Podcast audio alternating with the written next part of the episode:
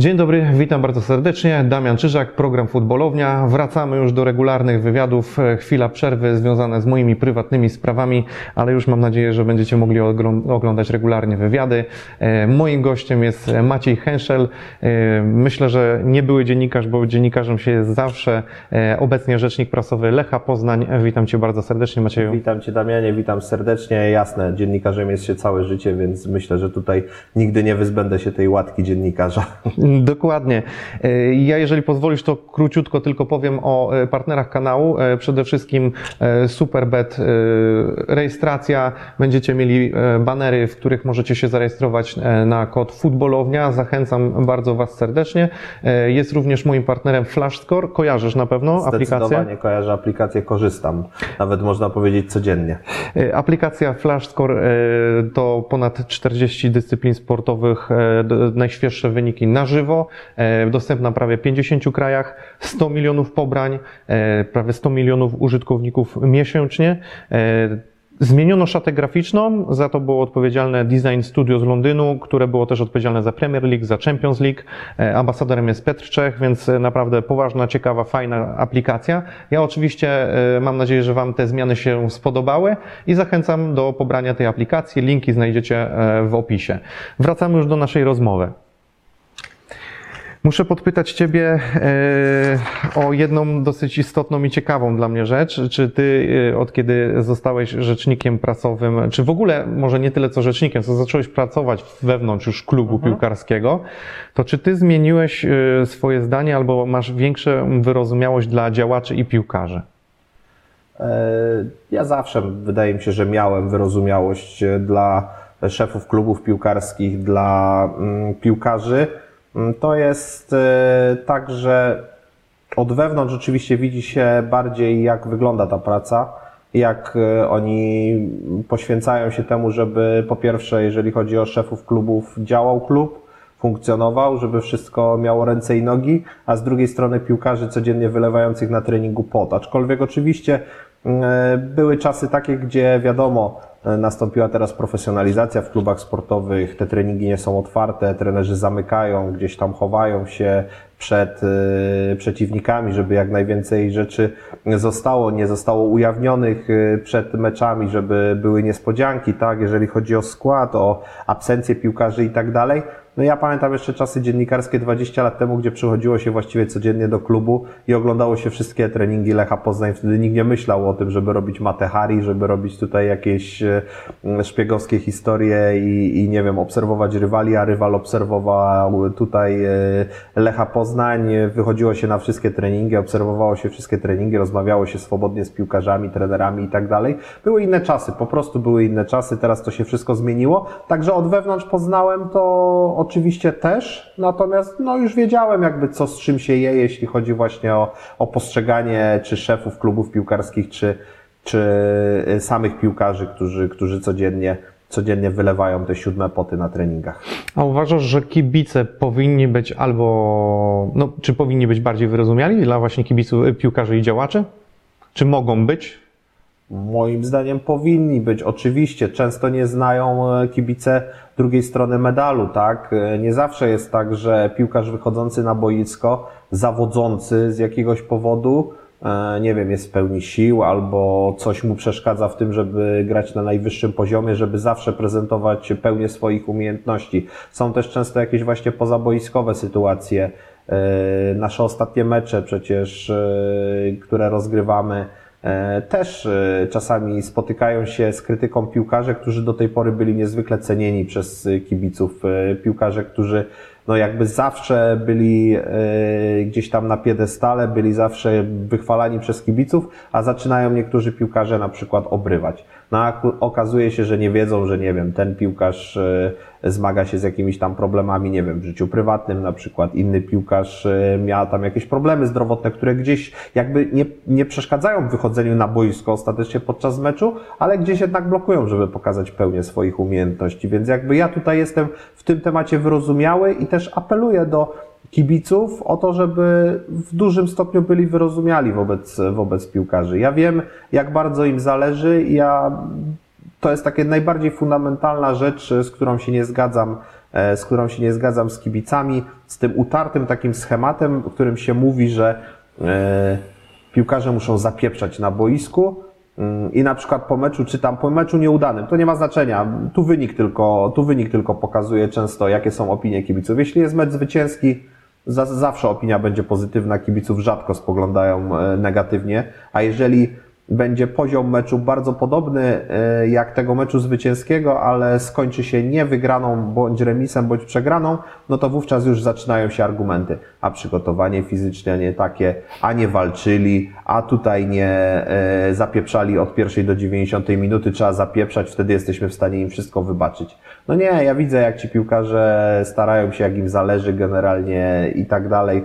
Nie ma naprawdę, nie ma naprawdę, nie spotkałem się z takimi piłkarzami, którzy wychodzą na boisko, mają muchy w nosie i generalnie mają wszystko gdzieś. No nie ma tak, no po prostu jest tak, że nakładamy się na przeciwnika, który też wychodzi na boisko, który gdzieś tam stara się z nasze zneutralizować dobre strony i po prostu czasami nie wychodzi. To jest, to jest tylko, to jest tylko gra, w której 11 na 11 chłopa chce się przechytrzyć na boisku i chce po prostu okazać się, się lepszym. To nie jest tak, że że można zarzucić piłkarzom, że przestali 90 minut, że nie chciało im się biegać. No nie, zawsze im się chce biegać. Zresztą widzicie, macie teraz już, yy, drodzy kibice, te wszystkie, yy, te wszystkie statystyki fitness nawet, ile piłkarze przebiegają w trakcie meczu, jak to wygląda.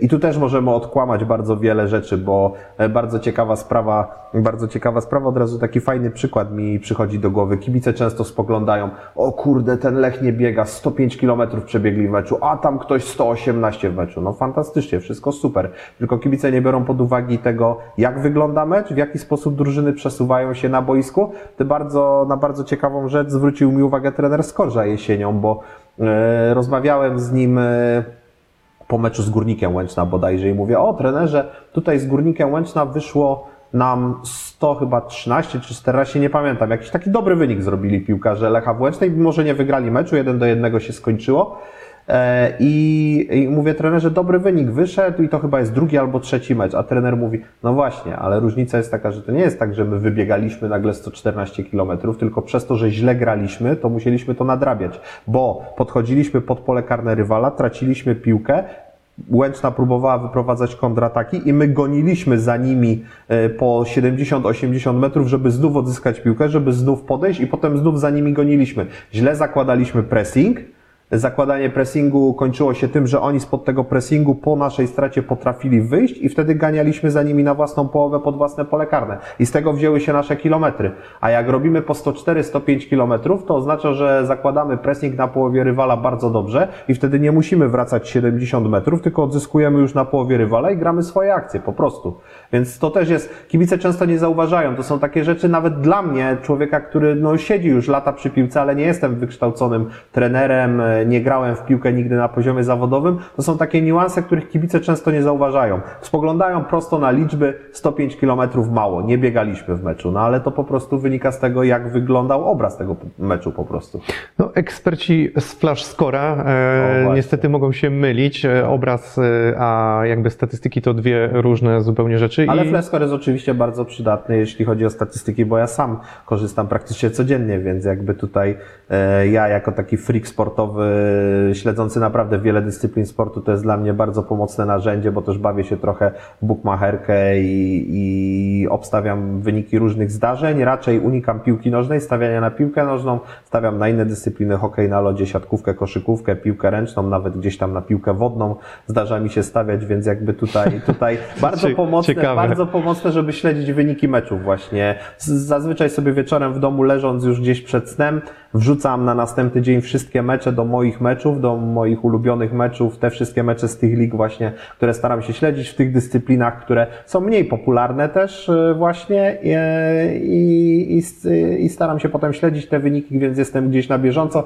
Jak mnie ktoś zapyta, kto jest liderem Ligi Koreańskiej w koszykówce, to myślę, że będę w stanie na to pytanie odpowiedzieć. A kto jest? No to odpowiedz. A koledzy się ze mnie śmieją, rozpoczynają się, wiesz co, playoffy tam e, są zespoły tam są zespoły, które, które, które rywalizują. W tej chwili jest bardzo wyrównana liga koreańska w ogóle w koszykówkę. Zespoły typu Mobis, e, Febus, tak, LG, Suckers i tak dalej. To są wszystko kapele, które znam, z którymi jestem jakby na bieżąco tutaj, jeśli chodzi, jeśli chodzi o rozgrywki. Także, także no, to jest, e, zresztą śmieją się koledzy ze mnie w biurze, bo e, nad biurkiem, nad biurkiem zamienili mi Pablo Escobara na tych słynnych zdjęciach, takie, które są w serialu Netflixa, kiedy on jest taki osamotniony, zanim został złapany, złapany Pablo Escobar, to wówczas E, no są te zdjęcia takie nad tym pustym basenem, w tej mhm. jego willi i tak dalej i ja tam zostałem wstawiony, moja facjata została wstawiona właśnie w miejsce Escobara i podpisali mi właśnie, że gdy nie wchodzi kupon na Ligę Koreańską albo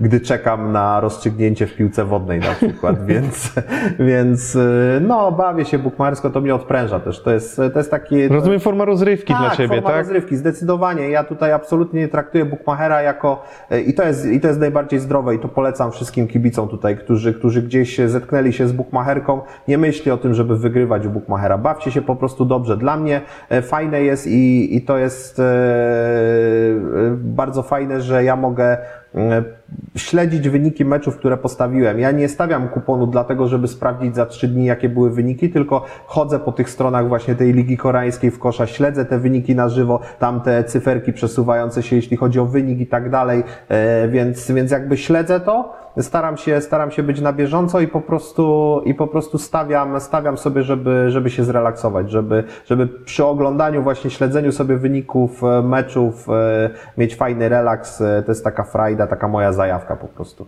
Rozumiem. Wiesz co, tak złapię się trochę za słowo, bo to może kibice mogliby też wyłapać, na ile to jest tylko przykład, a na ile to jest fakt. fakt. Mówiłeś też o zawodnikach, bo ja też Pamiętam, dochodziły do mnie informacje typu, że jakiś zawodnik miał na przykład wypadek na autostradzie, to mhm. nigdzie nie poszło. On grał później mecz, zagrał słabo, nie? I to, co powiedziałeś. No i chyba, nawet wiem chyba o jakim zawodniku. No, e, właśnie, więc. Z wieczystej Kraków. Dokładnie, dokładnie. E, mhm. No i tutaj też wspomniałeś, że, że teraz kibice mogliby mieć pretensje do jakiegoś zawodnika, który był powiedzmy tak. top poprzedni tak. sezon, teraz może nie jest. Nie wiem, czy, czy myślimy o tym samym, czy nie, ale e, co by nie mówić, to, to rozumiem, że są jakieś inne powody tego. Czy, czy to jest tak, że kiedyś mhm wy, czy ty jako rzecznik, czy jako klub w ogóle, albo jako sam zawodnik wyjdzie z taką informacją, że ok, ten sezon był dla mnie trudny w jakimś na przykład późniejszym wywiadzie, czy po prostu z czego to co? wynika, że jakby nie informuje się o mhm. tym? Jakby absolutnie nie, jakby absolutnie nie, nie wpływamy na zawodników, co mają mówić w wywiadach i tak dalej. To pewnie jeszcze będzie okazja o tym powiedzieć, że kwestia tak, autoryzacji tak. i tak dalej. Ja najczęściej w ogóle praktycznie nie zmieniam wypowiedzi piłkarzy, którzy gdzieś udzielają wywiadów i tak dalej. Co innego są szkolenia medialne, które robimy piłkarzom, żeby oni się zachowywali naturalnie przed kamerą, bo często zawodnik jest spięty, czy przed kamerą, czy właśnie podczas wywiadu i tak dalej, żeby się wyluzował, żeby generalnie spokojnie odpowiadał po prostu na pytania. A co innego to jest autoryzacja i w autoryzacji już praktycznie e, bardzo rzadko w jakiekolwiek kwestie ingerujemy właśnie jeśli chodzi o e, piłkarzy. Natomiast e, tak jak mówisz i podajesz ten przykład ten przykład y, piłkarza, no to jeżeli piłkarz będzie chciał po sezonie powiedzieć, że coś mu przeszkadzało w tym, żeby osiągnął tą swoją najlepszą formę, to ja nie mam absolutnie z tym żadnych problemów. Dlaczego my o niektórych sprawach nie informujemy? E, wiadomo, że banki informacji w klubach e, działają bardzo dobrze. Często są takie sytuacje, że piłkarze nastawiają na jakiegoś zawodnika drużyny przeciwnej mocno swoich zawodników. Typu na przykład mamy zawodnika, to też jest przykład, nie będę tutaj oczywiście nazwiskami mówił, bo jeszcze sezon trwa jakby i tak dalej, więc jakby nie rozliczamy tego, ale jest na przykład zawodnik, który zdarza, że się nie, zdarza, że nie trenuje w trakcie tygodnia, że 3-4 dni musi być wyłączony, bo po prostu jest jakby takim e, systemem startowym stawiany na nogi. Ciągle mu coś dokucza, nie wiem, na przykład ma jakąś kontuzję taką przewlekłą, która pozwala mu wychodzić na boisko w trakcie meczu, ale potem w trakcie tygodnia no, ten zawodnik musi się leczyć. To już podam przykład z historii na przykład. Szymek Pawłowski był takim piłkarzem. W mistrzowskim sezonie Lecha Poznań, w tym sezonie 14-15, Szymek Pawłowski był piłkarzem, który właściwie dochodził do dyspozycji startowo. To nie był piłkarz, który wypracowywał formę na treningach tydzień w tydzień, tylko często było tak, że Szymek ze względu na swoje e, przypadłości zdrowotne 3-4 dni odpoczywał. Poniedziałek, wtorek, środa wyłączony z treningu, leżał gdzieś na kozetce u masażystów.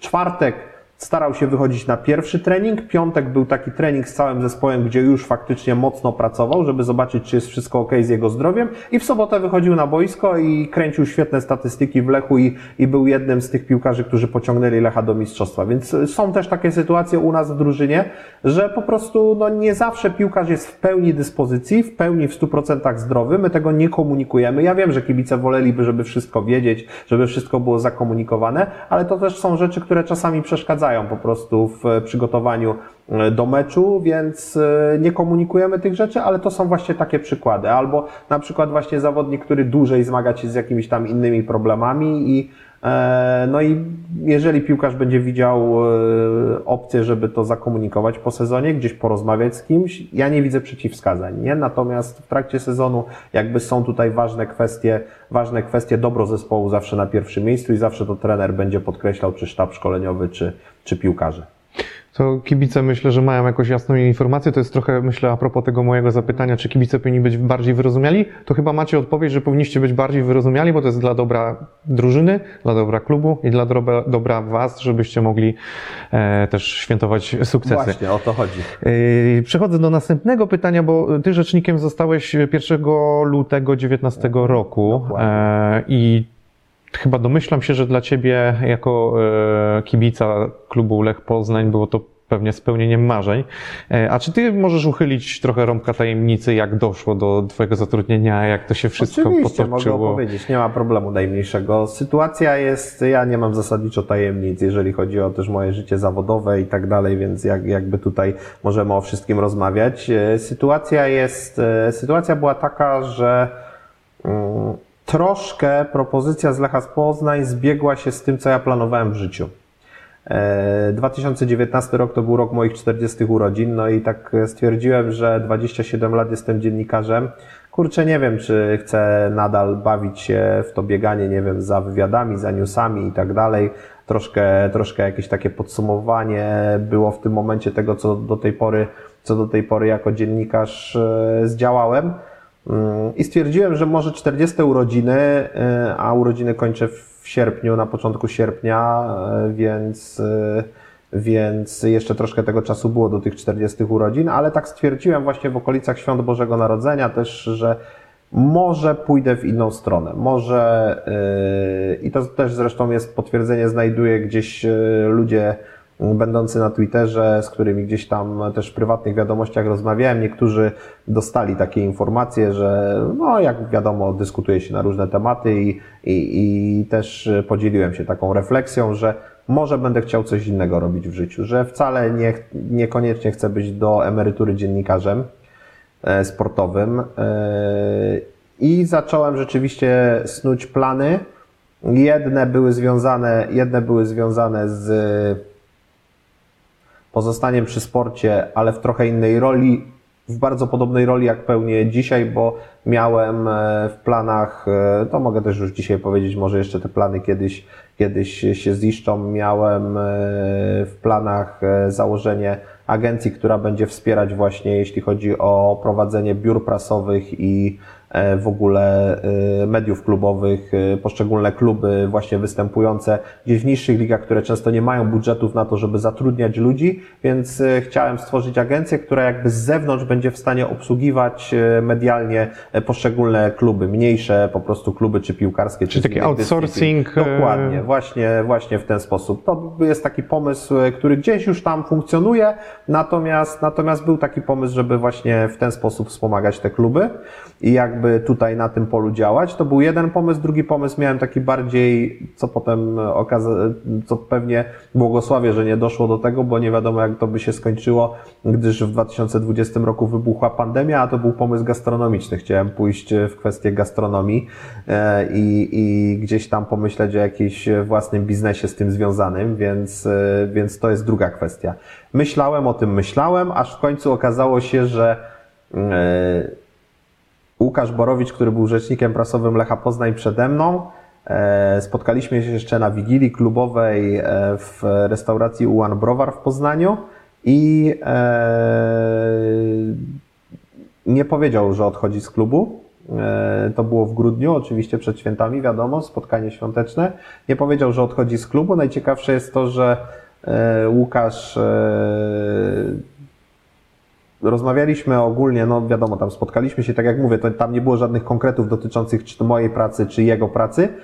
No i okazało się, że y, potem dowiedziałem się od, od kolegów Łukasza, że następnego dnia Łukasz właśnie zrezygnował z pracy w Lechu, to znaczy dostał propozycję innej pracy, więc, więc zrezygnował, także ani nic nie powiedział tego, tego dnia, a już musiał wiedzieć, no skoro następnego dnia praktycznie, praktycznie zrezygnował i było wiadomo, że będzie do końca stycznia pracował w Lechu, więc jakby śmialiśmy się z tego, że potrafił zachować e, pokerową twarz i jakby nic nie oznajmić e, wcześniej. No i nic, no i zaczął się, i zaczął się styczeń. No i w Lechu chyba, z tego co słyszałem, myślano o tym, jak rozwiązać, rozwiązać ten temat, no bo już wiedzieli, że Łukasz odchodzi. No i odebrałem telefon od prezesa Karola Klimczaka, zadzwonił prezes Karol Klimczak, czy bym przyjechał na spotkanie, po prostu. E, no jakby wiadomo, że domyślałem się o, o co może chodzić, skoro, skoro prezes dzwoni i, i pyta i prosi o spotkanie. No więc przyjechałem na spotkanie, spotkanie trwało trzy godziny, porozmawialiśmy, jakby przedstawił propozycję tego, że chciałby, żebym został, e, został rzecznikiem prasowym, żebym odpowiadał za komunikację w klubie. Porozmawialiśmy trzy godziny i to nie było tak, że dogadaliśmy się już podczas tej pierwszej rozmowy, bo jakby podaliśmy sobie oczywiście wtedy ręce, natomiast powiedzieliśmy, że dwa dni sobie takie dajemy jeszcze na to, żeby, żeby pomyśleć. I... A byli inni kandydaci? Jak A się nie mogę wiem. wtrącić? Powiem szczerze, powiem szczerze, że nie wiem. Czy tego, pokerowo wiesz, zagrali? Nie wiem, nie umiem, nie, nie, umiem tego powiedzieć, jakby nie wnikałem w nie to. Nie wnikałem takiej, to, okay. nie dostałem takiej informacji. Byłem na spotkaniu, powiedzieliśmy sobie, że dajemy sobie dwa dni i za dwa dni zdecydujemy. Spotkaliśmy się za dwa dni, od razu na początku rozmowy był też Piotr Rutkowski przy rozmowie, czyli właściciel Lecha. E, przy rozmowie od razu powiedzieli panowie prezesi, że że są zainteresowani, że jakby oni są na tak, jeśli ja jestem na tak, no to dogadujemy jakby szczegóły wszystkie, wszystkie już dotyczące zatrudnienia mnie w Lechu. No i dogadaliśmy się, no i jakby podczas tej drugiej rozmowy, która trwała godzinę, e, godzinę już ustaliliśmy ostateczne szczegóły i jakby no była jedyna kwestia, musiałem się dogadać z przeglądem sportowym, no bo gdzieś byłem zatrudniony. E, trzymiesięczny okres wypowiedzenia mnie obowiązywał, ale w piątek pojechałem do Warszawy, no bo musiałem załatwić w przeglądzie sportowym. Redaktorem naczelnym przeglądu sportowego był Przemek Grucki, no i jakby tutaj, e, kiedy Przemkowi wyłuszczyłem o co chodzi, no to właściwie oni wiedzieli wszyscy doskonale w przeglądzie, jakie jest moje podejście do Lecha, że ja na łamach potrafię być absolutnie obiektywny, podchodzić do Lecha w sposób obiektywny. Kiedy Lech miał oberwać, to po prostu obrywał na łamach. Kiedy miał być pochwalony, to był pochwalony po prostu absolutnie obiektywnie do tego tematu podchodziłem, ale wiedzieli, jakie jest moje podejście, że ja jestem poznaniakiem, że jestem kibicem Lecha, że mam ten klub w sercu. Więc absolutnie nie robili żadnych problemów i dogadaliśmy się w ten sposób, że rozwiązujemy umowę za porozumieniem stron z końcem stycznia, 31 stycznia. Jeszcze była taka śmieszna sytuacja, że E, ponieważ Łukasz pracował do końca stycznia, a ja przejmowałem od 1 lutego. W przeglądzie mnie poproszono, że ze względu na to, że muszą znaleźć człowieka, który od 1 lutego będzie pracował, no to żebym ja jeszcze do 31 stycznia pracował. Pojechałem na zgrupowanie z Lechem do Turcji i już pojechałem jako właściwie, można powiedzieć, pracownik Lecha, bo Łukasz poprosił mnie o to, żebym skomentował mecze sparingowe Lecha, które, które Lech rozgrywał w Turcji, więc pojechałem tam jako dziennikarz przeglądu sportowego, choć wysłany przez Lecha, taka dosyć śmieszna sytuacja. Pisałem teksty jeszcze przez te dwa tygodnie z Turcji do przeglądu sportowego, komentując mecze dla Lech TV, e, mecze e, w Turcji, ale nie chciałem też e, jakby przed zespołem, nie, nie miało być jeszcze oficjalnie ogłoszone, że ja jestem rzecznikiem prasowym, natomiast u trenera Adama Nawałki, on był wtedy trenerem Lecha, wszystko musi, wszystko musi być uporządkowane, wszystko musi mieć swoje miejsce, więc od razu pierwszego dnia wieczorem na zgrupowaniu, kiedy zespół dojechał do Turcji, trener Nawałka mówi, dzisiaj na kolacji Cię przedstawiam. Ja mówię, trenerze spokojnie, bo ja od 1 lutego formalnie tu jestem jako przegląd sportowy właściwie. Nie, musisz być przedstawiony. No i trener Nawałka wstał na kolacji, panowie, Chcę Wam oficjalnie tutaj zakomunikować, że jest z nami nasz nowy rzecznik prasowy Maciej Henschel. I dostałem brawa od piłkarzy, fajnie się zachowali, super, e, super sprawa, bardzo miła. Także właściwie piłkarze od pierwszego dnia zgrupowania wiedzieli, że ja jestem już lechowy, ale pisałem jeszcze teksty dla przeglądu. Taka trochę faktycznie dziwna i, i, no i taka sytuacja też e, na końcu mogą gdzieś tam powiedzieć czytelnicy przeglądu, że nie fajna, że rzecznik prasowy pisał dla przeglądu sportowego teksty, no ale to był jakby taki ten dwutygodniowy epizod, nie? No i od 1 lutego już na całego zaczęliśmy pracę przy bułgarskiej. I anegdotka jeszcze, a bo jeszcze anegdotkę opowiem na koniec, y, jeszcze rozmowy z Piotrem Rutkowskim i z prezesem Klimczakiem. Jeszcze Piotr Rutkowski na koniec tej drugiej rozmowy czwartkowej, bo to też mi się przypomniało, teraz y, chciał wydobyć koniecznie ode mnie informację, kto był moim informatorem, kiedy gdzieś tam jakieś newsy pisałem, czy to transferowe, czy jakieś inne klubowe. I mówi, dobra, to dogadaliśmy się, podaliśmy sobie ręce. Maciej, teraz jeszcze nam tylko mówisz, kto był twoim informatorem przez lata i już się rozchodzimy. A ja mówię, a ja skomentowałem, powiedziałem Piotrze, nie, wiesz jak jest z dziennikarzami, dziennikarz będzie milczał, milczał i milczał, nie zdradzi swoich źródeł informacji. No i Piotr się śmiał, oczywiście powiedział, to był jego żart z jego strony oczywiście, natomiast, natomiast e, zachowałem to dla siebie i, i okej, okay, no. Wiadomo, że przez lata newsy trzeba było zdobywać i, i to nie jest tak, że one były podawane na tacy przez kogoś, tylko, tylko gdzieś tam jakieś wieloletnie kontakty, kontakty gdzieś sprawiły, że, że gdzieś jakieś e, informacje mogłem ustalać to, co dzieje się w klubie wewnątrz, czy to w szatni, czy, czy w drużynie. Słuchaj, to idealnie przeszliśmy e, do wątku dwóch osób, o których chciałbym, chciałbym żebyś opowiedział. E, pochwaliłeś się, że starasz się być obiektywny w swoich ocenach. Z drugiej strony, jakby rozumiem, że o pracodawcy ciężko mówić inaczej niż pozytywnie, mhm. ale e, zdajesz sobie pewnie sprawę, jak e, Piotr Rutkowski, e, Karol Klimczak są postrzegani mhm. wśród kibiców jako bezwzględni biznesmeni, którzy są mhm. nastawieni tylko i wyłącznie na zarobek, a niekoniecznie sukces sportowy, klubowy i miłość do klubu. I teraz, czy ty mógłbyś nam trochę ich odczarować? Mam na myśli, żebyś trochę opowiedział, jak wygląda taka współpraca z nimi, nimi na co dzień, jak ich poznałeś, jak zaczęliście współpracować? To jest współpraca bardzo profesjonalna. Ja już kiedyś w jednym wywiadzie powiedziałem, że życzę szefów e, każdemu takich jak są e, prezesi Klimczak i Rutkowski. To nie jest wcale jakieś kadzenie im i tak dalej. Po prostu ta współpraca na co dzień z nimi jest naprawdę świetna. E, konkretni, jeżeli chodzi o prezesa Klimczaka, to spotykamy się właściwie co tydzień, co poniedziałek mamy spotkanie rano komunikacyjne. Znaczy ustalamy jakieś nasze kierunki komunikacji, w którą stronę idziemy, co chcemy komunikować, jak komunikować i tak dalej, więc jakby e, z prezesem Klimczakiem spotykam się w tematach komunikacyjnych. Uczestniczy w tych spotkaniach Piotr Rutkowski bardzo często, dlatego że Piotr e, jest osobą, która jak wiadomo, najlepiej jest poinformowana w tematach sportowych. Czasami musimy jakieś tematy sportowe na komunikacji przegadać, więc jakby Piotr oczywiście też w tych spotkaniach uczestniczy. Mm, jeśli chodzi o e, taką no, codzienną współpracę z prezesami, no to oczywiście nie ma tutaj absolutnie najmniejszych problemów. E, mega konkretne tematy. Mówisz odczarować. Mm, jeżeli chodzi o prezesa Klimczaka, prezes Klimczak jest e, bardzo często postrzegany jako człowiek, który, nie wiem, gdzieś tam hamuje jakieś tematy finansowe zwłaszcza i tak dalej, słynny zielony Excel, te, te, te wszystkie tematy. Wiadomo, że pilnuje spraw finansowych w klubie, jest za to odpowiedzialny, to jest oczywiste. Natomiast to nie jest tak, że E, to nie jest tak, że nie kupimy piłkarza danego, bo jest na przykład za drogi i to weto stawia prezes Klimczak. Prezes Klimczak jest członkiem komitetu transferowego, wchodzi w skład komitetu transferowego, ale jakby nie ma takiego decydującego wpływu, decydującego zdania i tutaj mogę odczarować prezesa Klimczaka. On y, oczywiście, y, kiedy ktoś z szef scoutingu na przykład albo trener przedstawia piłkarza, którego mamy kupić na komitecie transferowym, kiedy staje dany piłkarz już na komitecie transferowym, jest wyselekcjonowany, ma być, y, ma trafić do klubu, no to oczywiście uczestniczy w obradach, natomiast jakby praktycznie w ogóle nie zajmuje stanowiska. Jeżeli trener, dyrektor sportowy, prezes Rutkowski, szef scoutingu są na tak, jeśli chodzi o jakiegoś piłkarza, to to nie jest tak, że prezes będzie tutaj stawał okoniem i mówił, że nie, nie bierzemy, bo na przykład jest za drogi.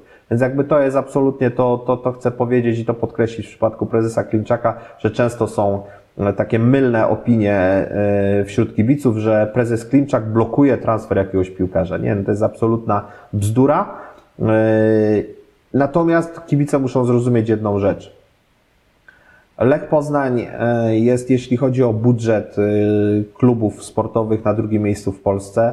E, wiadomo, że wyższy budżet ma tylko Legia Warszawa, no i ten budżet z niczego się nie bierze. To nie jest tak, że jeżeli kibice zarzucają prezesowi Rutkowskiemu, że tylko myśli o tym, żeby sprzedawać młodych piłkarzy, to prezes Rutkowski budzi się rano i mówi nie, nie będziemy walczyć o mistrzostwo, tylko pomyślmy jak sprzedać tego Kubę Kamińskiego za 10 baniek euro albo za więcej pieniędzy. Ale wiesz, tak kibice sobie nie, to wyobrażają kibice, po części, sobie nie? W taki sposób, że on tak, dokładnie, tak jak opisać, wstaje rano i mówi Tak. Dzisiaj będę liczył pieniądze Dokładnie. za Kubę Kamińskiego. Nie? Właśnie, właśnie kibiców jest takie rozumowanie, ale przecież ja wiem, że Piotrowi w pierwszej kolejności bardzo zależy na tym, żeby Lech był rozpoznawalną marką w Europie, a rozpoznawalną marką w Europie jest oczywiście nie tylko dzięki transferom, tylko dlatego, że jest czołowym polskim klubem i zdobywa trofea, więc w pierwszej kolejności trofea, potem e, ewentualny zarobek na zawodnikach. No to trofea dlaczego- Maciej wiesz dobrze, tak, że to. nie, no jasne, my sobie zdajemy doskonale sprawę, że minęło... Wiesz, po prostu komunikacja często kłóciła się z tym, co Tak. e, jakby no, komunikowane było chęci wielkie, a kończyło się. Znaczy my zawsze komunikujemy. Na tabelkach, nie na sukcesach nie, tabelkowych, No, oczywiście, jasne.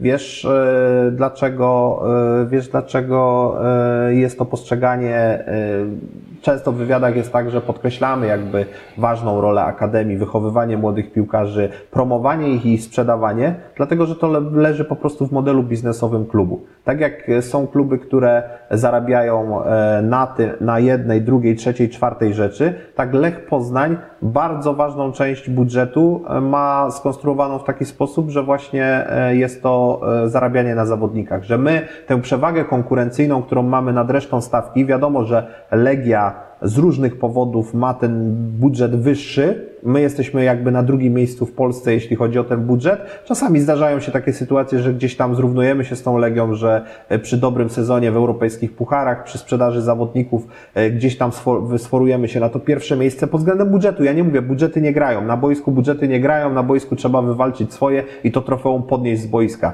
Ja o tym absolutnie nie mówię, natomiast jesteśmy na drugim miejscu ze zdecydowaną przewagą nad resztą stawki w ekstraklasie pod względem budżetowym e, i możemy sobie na dużo więcej pozwolić właśnie też między innymi dzięki temu, że, że zawodnicy odchodzą za tak duże pieniądze, że została zbudowana marka Lecha Poznań, jeżeli chodzi o piłkarzy odchodzących, że odchodzą piłkarze, którzy są gotowi, żeby odejść i którzy poradzą sobie w ligach zagranicznych.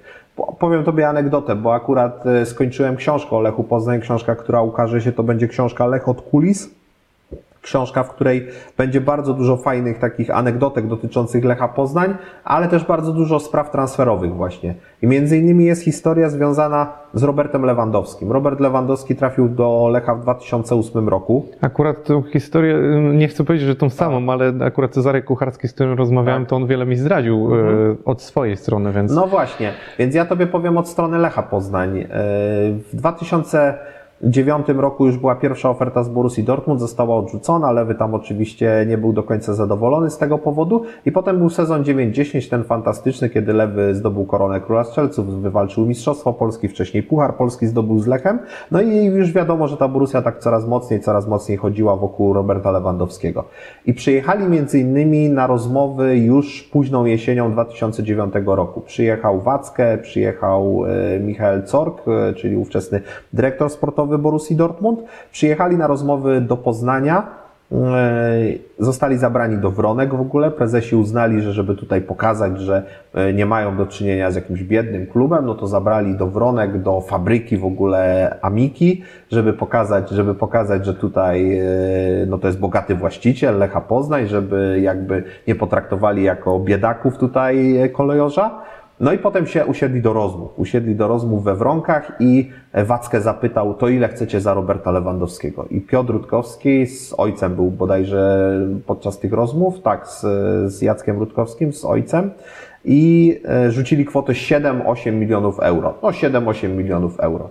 No i w tym momencie Wackę zaniósł się śmiechem w ogóle, ha, ha, ha, jak 7-8 milionów euro. I to, e, jak 7-8 milionów euro, przecież wy nigdy za tyle piłkarza nie sprzedaliście. No dopiero co chyba tam w 2009 Rafał Murawski odchodził do Rubina Kazań za 3 miliony i to był najwyższy transfer w ogóle w historii Lecha, tak, w tych ostatnich latach. Więc jakby ważne dla klubów zagranicznych i też Wackę przy, był przygotowany, był podczas tych rozmów przygotowany, że no nie może mu rzucić kwoty z kosmosu, a tu on powie, okej, zgadzamy się, bo to jest gość, który faktycznie jest wielkim talentem i za chwilę zostanie jednym z najlepszych piłkarzy świata, nie? Więc Wackę, który Borussii stać, Borussii stać było, żeby zapłacić pewnie nawet 10 za tego Roberta Lewandowskiego, ale wiedzieli, że nie ma co tutaj przepłacać, że po prostu są przygotowani, że Lech nigdy nie sprzedał za takie pieniądze piłkarza, więc mogą spokojnie stargować tę kwotę i pójść zdecydowanie niżej. No i Lewy tam poszedł za niecałe 5 baniek, nie? Ostatecznie. Więc jakby to pokazuje i Piotr też opowiadał opowiadał mi tę historię, jak wyglądały te negocjacje, że jakby właśnie ten sukces taki e, piłkarzy młodych odchodzących z Lecha Poznań jest niezwykle ważny i wpływa na kolejne te transfery. Jakby budujemy swoją markę w Europie też między innymi w ten sposób i dzięki temu ci piłkarze mogą odchodzić za świetne pieniądze, więc e, to pokazuje, dlaczego potem, nie wiem, jak Robert Lewandowski odszedł e, do Borussii Dortmund, dlaczego potem nie było problemów ze sprzedażą Artiomsa Rudnewsa na przykład, dlaczego nie było problemów ze sprzedażą Łukasza Teodorczyka do Dynama Kijów. Dynamo położyło nagle pieniądze i, i po prostu stwierdziło, że chce Teodorczyka, bo Lech świetnie potrafi sprzedawać napastników.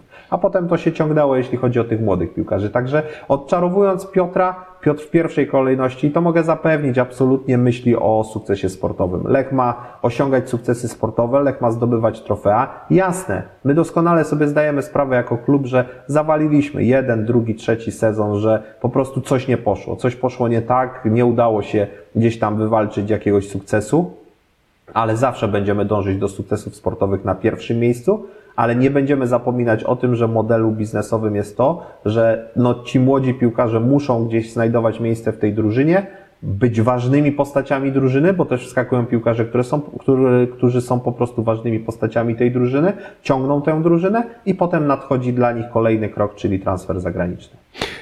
Macie, tak pomyślałem sobie, gdybym zadał Ci takie hipotetyczne pytania a propos tego modelu biznesowego Lecha, który uważam, że jest fantastyczny, e, ale nawiążę do tych sukcesów i, i, i pucharów, które wszyscy kibice oczekują.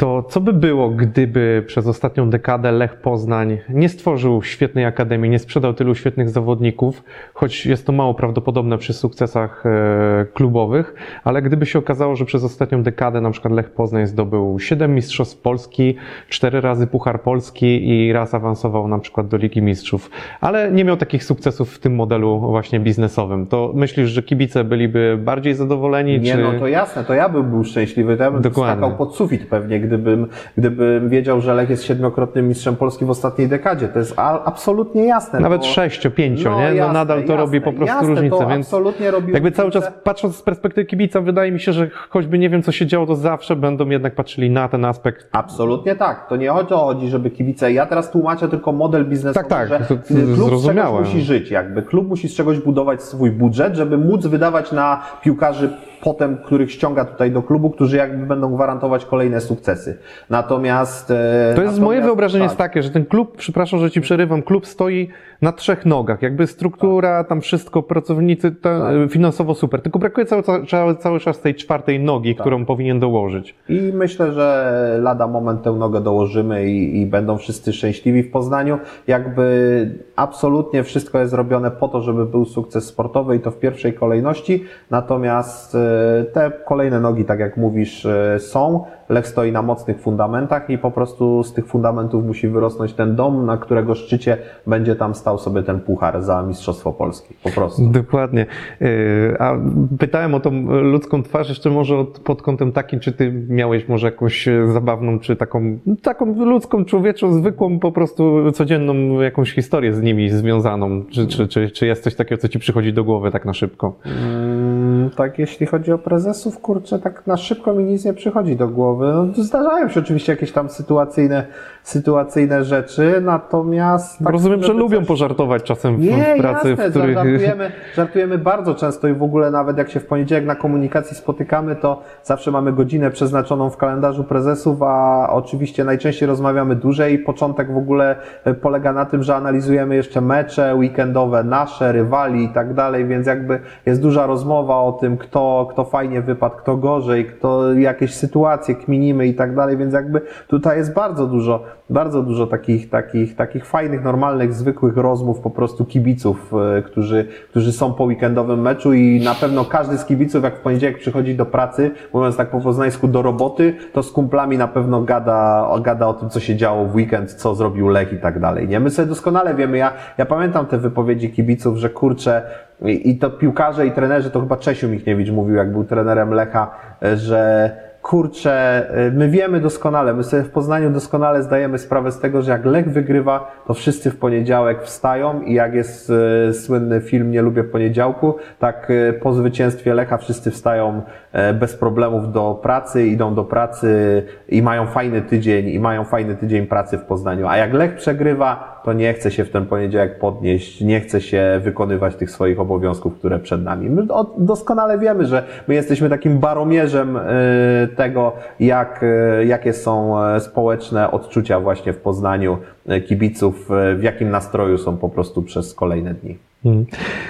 Pracowałeś w radiu, w gazetach, y, na uczelni e, i teraz jako rzecznik. Y, Nie wiem, czy jesteś w stanie ocenić, gdzie było najfajniej, najciekawiej, najprzyjemniej.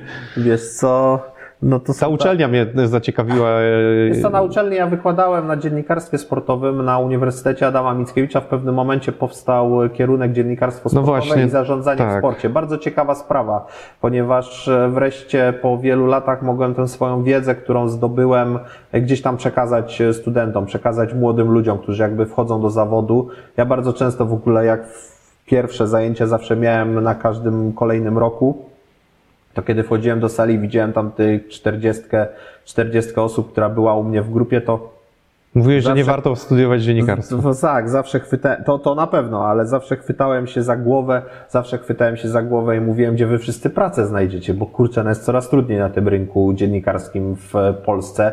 E, Kurczą się bardziej miejsca pracy niż rozwijają, jeżeli chodzi o, o, o właśnie... Chyba te klasyczne miejsca takie, jak Tak, mówimy, takie o, no papier, papier, gazeta to już to, to, totalnie, Absolutnie, nie? oczywiście wiadomo, że są e, miejsca e, rozwijające się tak jak właśnie chociażby portale i tak dalej, więc Mhm. jakby tutaj, tutaj troszkę jeszcze tej pracy jest, natomiast nie jest jej aż tak dużo. Ale uczelnia kojarzy się jednak z tym klasycznym e, podejściem, Zdecydo- prawda? Zdecydowanie. Uczelniane. I oczywiście ja chciałem, od razu mówiłem studentom, ja was nie nauczę, e, ja was nie nauczę teorii, nie będziemy się skupiać na teorii, praktyka jest najważniejsza, będziemy ćwiczyć po prostu i będziecie ćwiczyć e, swoje zadania dziennikarskie i to jest jakby podstawa, ponieważ wy z tych murów, jeżeli chcecie zostać dziennikarzami, to teoria wam nie pomoże w tym. Ja zawsze podkreślałem, że żeby zostać dziennikarzem sportowym, to można skończyć jakikolwiek kierunek studiów. Nie trzeba być dziennikarzem z wykształcenia, żeby być świetnym dziennikarzem sportowym. Można być prawnikiem, tak jak Radek Nawrot, bo on skończył prawo, a jest, a jest bardzo dobrym e, dziennikarzem sportowym. E, I znam też wiele innych przykładów, jakby tutaj e, dziennikarzy. Więc jakby sytuacja, sytuacja jest po prostu taka, że jasne, ci młodzi ludzie zdecydowali, że chcą studiować dziennikarstwo sportowe. Ja im chcę pomóc bardziej od strony praktycznej, natomiast zawsze im podkreślałem, idźcie do redakcji, załapcie się do jakiejś redakcji i tam się najlepiej tego nauczycie. Przecież tu są legendy, już Żelek Żyżyński kiedyś opowiadał, y, wielu innych dziennikarzy, jak czytam z nimi wywiady, to oni mówią, że trafiali do redakcji, trafiali do doświadczonych dziennikarzy, sam tak miałem, bo też trafiłem w pewnym momencie do redakcji, do Gazety Wyborczej, gdzie miałem bardziej doświadczonych kolegów, którzy potrafili wskazać drogę, potrafili te, powiedzieć tego nie rób, tak nie pisz i tak dalej. To, to jest lepsza szkoła niż gdzieś na uczelni właśnie siedzenie na 90-minutowym wykładzie i słuchanie o teorii dziennikarstwa. Tutaj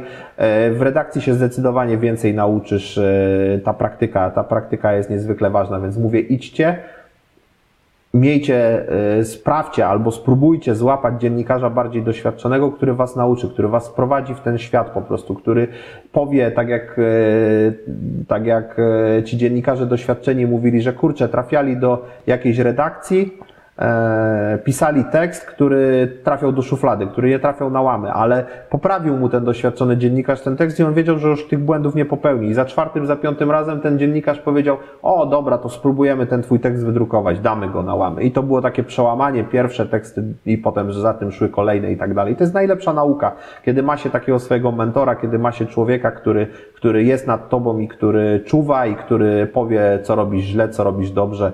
To jest absolutnie kluczowa sprawa i to polecam absolutnie wszystkim młodym dziennikarzom. Ja też staram się, kiedy tylko mogę, kiedy czas mi na to pozwala, kiedy jestem proszony o pomoc właśnie przez takich młodych adeptów e, dziennikarstwa, żeby wskazać im drogę, to, to, to właśnie w ten sposób wskazuję. I druga rzecz, którą, którą zawsze podkreślam e, w rozmowach ze studentami, z dziennikarzami młodymi, to zawsze podkreślam, mówię, miejcie oczy i uszy szeroko otwarte, Dzwońcie, rozmawiajcie z ludźmi, nie skupiajcie się na tym, żeby wszystkie informacje, które czerpiecie, czerpać z internetu, czyli przejrzeć internet, czyli zrobić research właściwie i na tej podstawie pisać swoje teksty, tylko starajcie się rozmawiać z ludźmi. Jedźcie w teren, wyjdźcie poza redakcję, chwyćcie za telefon, porozmawiajcie z jedną, drugą, trzecią, piątą osobą. Oni wam powiedzą najlepsze rzeczy, oni wam e, dadzą najlepsze informacje i, i będziecie mieli gotowe teksty i będziecie mieli gotowe, fajne historie e, z życia wzięte, a nie e, przepisywanie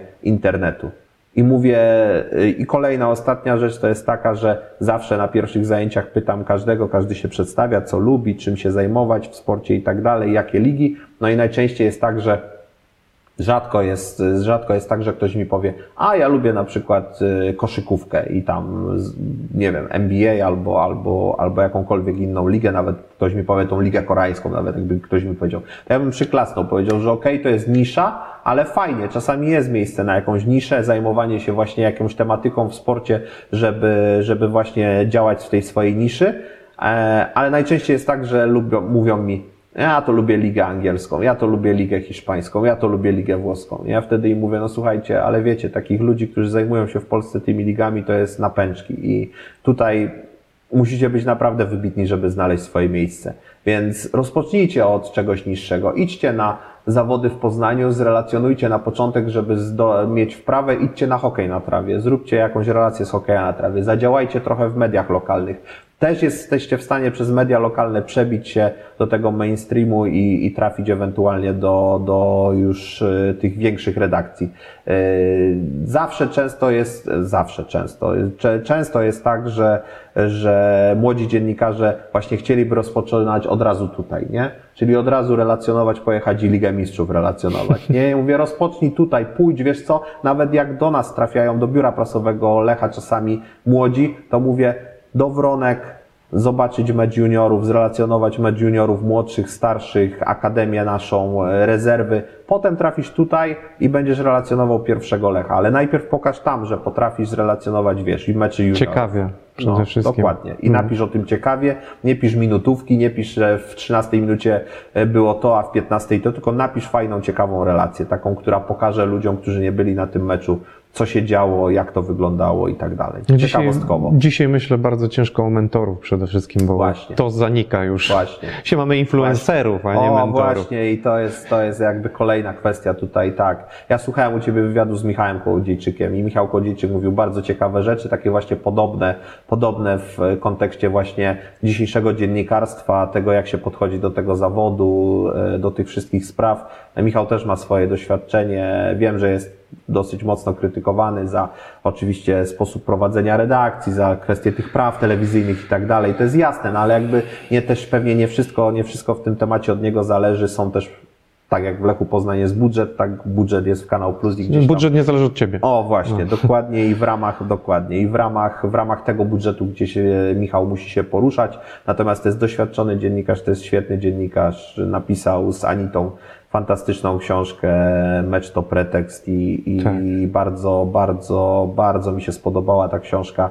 E, zresztą Michał o tym doskonale wie, bo też lubimy się od dawna i, i, i pracowaliśmy kiedyś w jednej redakcji w przeglądzie sportowym. Także słuchałem u Ciebie, Michała, i to są właśnie bardzo podobne takie uniwersalne rzeczy, uniwersalne wartości, takie, które warto przekazywać tym młodym, młodym ludziom, którzy wchodzą do zawodu. Ale faktycznie mówisz, influencerzy, przemiał jest w tej chwili tak duży, że właściwie E, po roku, dwóch ktoś już uchodzi za jakiegoś wielkiego mentora, a, e, a potem a okazuje się, że właściwie doświadczenia nie ma wielkiego. Nie? Ja bardzo często śmieję się czasami, jak tam gdzieś jakieś redakcje małe próbują, próbują gdzieś z nami współpracować w Lechu i wchodzę na jakąś stronę taką małą, nieoficjalną, E, redakcja cztery osoby, ale oczywiście w stopce wymienione. Redaktor naczelny ten, ten, ktoś tam, wiesz, y, funkcje poprzypisywane, jakieś takie, a generalnie wiesz, y, umiejętności jeszcze i doświadczenia zero, nie? Zero. Więc jakby właśnie, właśnie rozpocznijcie od tego szczebla, tam nawet jak macie w tej stopce, w tej redakcji waszej małej cztery osoby, to ty rozpocznij sobie od tego malutkiego dziennikarza tam, który gdzieś dostarcza newsy. I tak wypłyniesz i tak cię zauważą, jak, jak będziesz wykonywał dobrą robotę. Często jest taka sytuacja, że młodzi dziennikarze próbują gdzieś walczyć o akredytację na mecze Lecha, no i tam założą sobie portalik albo gdzieś tam zaczynają działać, działać i odzywają się do nas, czy mogą dostać akredytację. a na mecze Lecha. I ja wtedy często robię tak, że po pierwsze mówię, a jakieś wasze publikacje. No tutaj wrzuciliśmy wasze komunikaty dwa. Ja mówię, no ale dobrze, no napiszcie coś też może sami, tak od siebie, jakieś, jakieś relacje, pokażcie coś, że, że, że też publikujecie, że jakby tworzycie jakieś treści, tak? Yy, Bo właśnie yy, to, co mnie najbardziej irytuje w dzisiejszym dziennikarstwie, to jest to przepisywactwo, nie? Że jedni od drugich przepisują, że każdy u, próbuje grać mądrego, właśnie tak jak ty mówisz, każdy chce być influencerem, a, a właściwie od siebie niewiele daje, tylko, tylko generalnie skupia się na pracy innych yy, i, i na komentowaniu tej pracy, przepisywaniu i tak dalej, udowodnianiu sobie potem, kto był pierwszy z jakimś newsem, to są w ogóle jakieś rzeczy ocierające się o piaskownicę. Ja często mówię młodym, mówię, no słuchajcie, no i chcecie przyjść na mecz Lecha. No to nie, to rozpocznijcie w inny sposób. Przyjdź najpierw na konferencję, pokaż swoją aktywność, zadaj dwa pytania trenerowi, napisz jakiś tekst po konferencji przedmeczowej chociażby. Nie mówię, że od razu wywiad dostaniesz u nas zażyczysz sobie piłkarza Mikaela Iszaka i Mika Iszak udzieli tobie, tobie wywiadu. Nie, dojdziemy do tego, oczywiście, też dajemy taką szansę, natomiast najpierw pokaż aktywność właśnie na konferencji prasowej, bądź poza meczem właśnie na otwartym treningu, który mamy, na Media Dayu e, i tak dalej. Napisz jakiś jeden, drugi, trzeci tekst, potem akredytacja na mecz i potem generalnie to się nakręca i wtedy, i wtedy fajnie możemy współpracować i będziesz dostawał stałą akredytację, będziesz się pojawiał na meczach, bo wtedy wiem, że publikujesz i, i wstawiasz własne treści, a nie generalnie zaczynanie od tego, dajcie mi akredytację na mecze Lecha. No nie, no ta, w taki sposób, w taki sposób to nie działamy. Tutaj e, edukujemy też. Ale to, to jest, myślę, rozsądne. Wiesz, wiadomo, jak się ma, nie wiem, 19-20 lat, to człowiek trochę inaczej myśli, a zwłaszcza Tak. w dzisiejszych czasach, w których faktycznie ta młodzież myśli, że wszystko im się należy. Ja sobie tak próbuję przypomnieć a propos moich pierwszych wywiadów, które mogłem w ogóle tu zrealizować, bo e, chyba tu zrobiłem z, tak piłkarsko, to zrobiłem z trenerem Urbanem na pewno. O, no I akurat rza- rzadko, e, rzadko z którym rzecznikiem można się łatwo dogadać Tak. co do wywiadu. Wiadomo, różna jest polityka klubowa, ale akurat o dziwo Łukasz Borowicz był chyba jednym z pierwszych rzeczników, który, e, który mi załatwił wywiad, bo tak powiem szczerze, menadżerowie, rzecznicy to są osoby, które rzadko były w stanie mi pomóc w tej sprawie, Tak. więc naokoło działałem. Ale wracając do tematu, to właśnie Łukasz chyba pierwszy raz mi załatwił i to było super, byłem bardzo zaskoczony tym, ale to też przypuszczam, że nie wynikało z tego, że, bo ja przecież sporo wywiadów już wtedy nagrałem i koło tego Lecha się kręciłem cały czas tymi wywiadami różnymi, chociażby ten Luluś, którego nagrałem O, tu tak, na ławce, nie? Sprawa, tak. Ja myślę, że takie rzeczy też mocno działają, więc to jest taka, taka ciekawostka a propos tych e, osób, Ale właśnie, które no, ale działają. Nie? pokazałeś tą aktywność jakby już wokół klubu, kręciłeś się i oczywiście wtedy inaczej zupełnie podchodzimy do takiej Ja osoby. nie byłem nieznany na przykład O, dla, właśnie. dla, dla Łukasza, nie? Że Tak. ja w ogóle mnie nie interesowały konferencje takie rzeczy, ale Tak. po prostu chciałem zrobić z kimś Nie no, kiedyś działasz wywiad. I- inaczej, to, to Dokładnie. jest inny jednak. I wtedy Łukasz, nie? zadzwoniąc do niego, to no jakby wiedział, kto to Tak. jestem i ja Tak. i nie było, bo coś o Lechu pisałem. Czy to było dobre, czy złe, nie było, Tak. ale jakby miałem jakiś punkt Jasne, odniesienia, więc jasne, no. jasne. Więc to jest niezwykle ważne i tutaj apeluję absolutnie do wszystkich młodych, żeby, żeby próbowali. Tak, no to, to, to jest dobry sposób i fajna, e, fajna podpowiedź z Twojej strony. E, Będąc już, można powiedzieć, przy takich personaliach, przy obiektywności, to Twoim serdecznym kolegą, nie wiem czy nazywasz go przyjacielem, jest Radek Nawrot. Przyjacielem. E, Więc właśnie, i skoro łączy Was taka e, bliska znajomość, to zawsze zastanawiać może ta kwestia profesjonalizmu, prawda? E, Bo biorąc pod uwagę, że wielu dziennikarzy w e, Polsce no nie może afiszować, afiszować się z swoją stronniczością Tak. czy sympatią klubową, tak akurat w Poznaniu nigdy nie było z tym problemu, ale mógłby być problem pod kątem właśnie takiej Waszej znajomości, bo każdy myślał, jak Ty zostajesz rzecznikiem, no to Radek będzie miał wszystkie informacje z pierwszej no, ręki. Widzisz, i właśnie i tu jest zaskoczenie. No i to jest właśnie, to pokazuje nasz profesjonalizm też, mój i Radka. Bo oczywiście my rozmawialiśmy, my sobie rozmawiamy często na prywatnie na tematy lechowe różne, natomiast e, wyznaczyliśmy jakby granice i to jest jakby niezwykle ważne. Ja też powiedziałem na początku, kiedy zostałem rzecznikiem prasowym Lecha, że to nie jest tak, że zostałem rzecznikiem, to teraz nagle moi znajomi będą dostawać tak o newsy generalnie z klubu. No nie, u mnie tak nie jest. Ja jako dziennikarz, ja jako dziennikarz, e, tak jak mówiłem już wcześniej przy, przy tych kwestiach e, wcześniejszych, że jako dziennikarz y, musiałem walczyć o newsy. Po prostu najzwyczajniej w świecie miałem swoich informatorów, którzy gdzieś tam, gdzieś tam podrzucali mi, podrzucali mi jakieś, jakieś informacje, informacje z klubu, takie, których nikt nie publikował. Gdzieś mogłem się ścigać na te newsy, aczkolwiek ja też nie do końca, nie do końca e, chciałem się tak e, szufladkować jako newsman, bo jakby no też zrobiłem sporo fajnych tekstów problemowych, o Lechu napisałem, e, sporo wywiadów zrobiłem, byłem też dziennikarzem radiowym, tak jak mówiłeś wcześniej, więc jakby, jakby ja tutaj się nie szufladkowałem, natomiast no po prostu pracowałem, sumiennie pracowałem jakby na, na tą swoją markę, na, na swoje nazwisko w tym świadku dziennikarskim.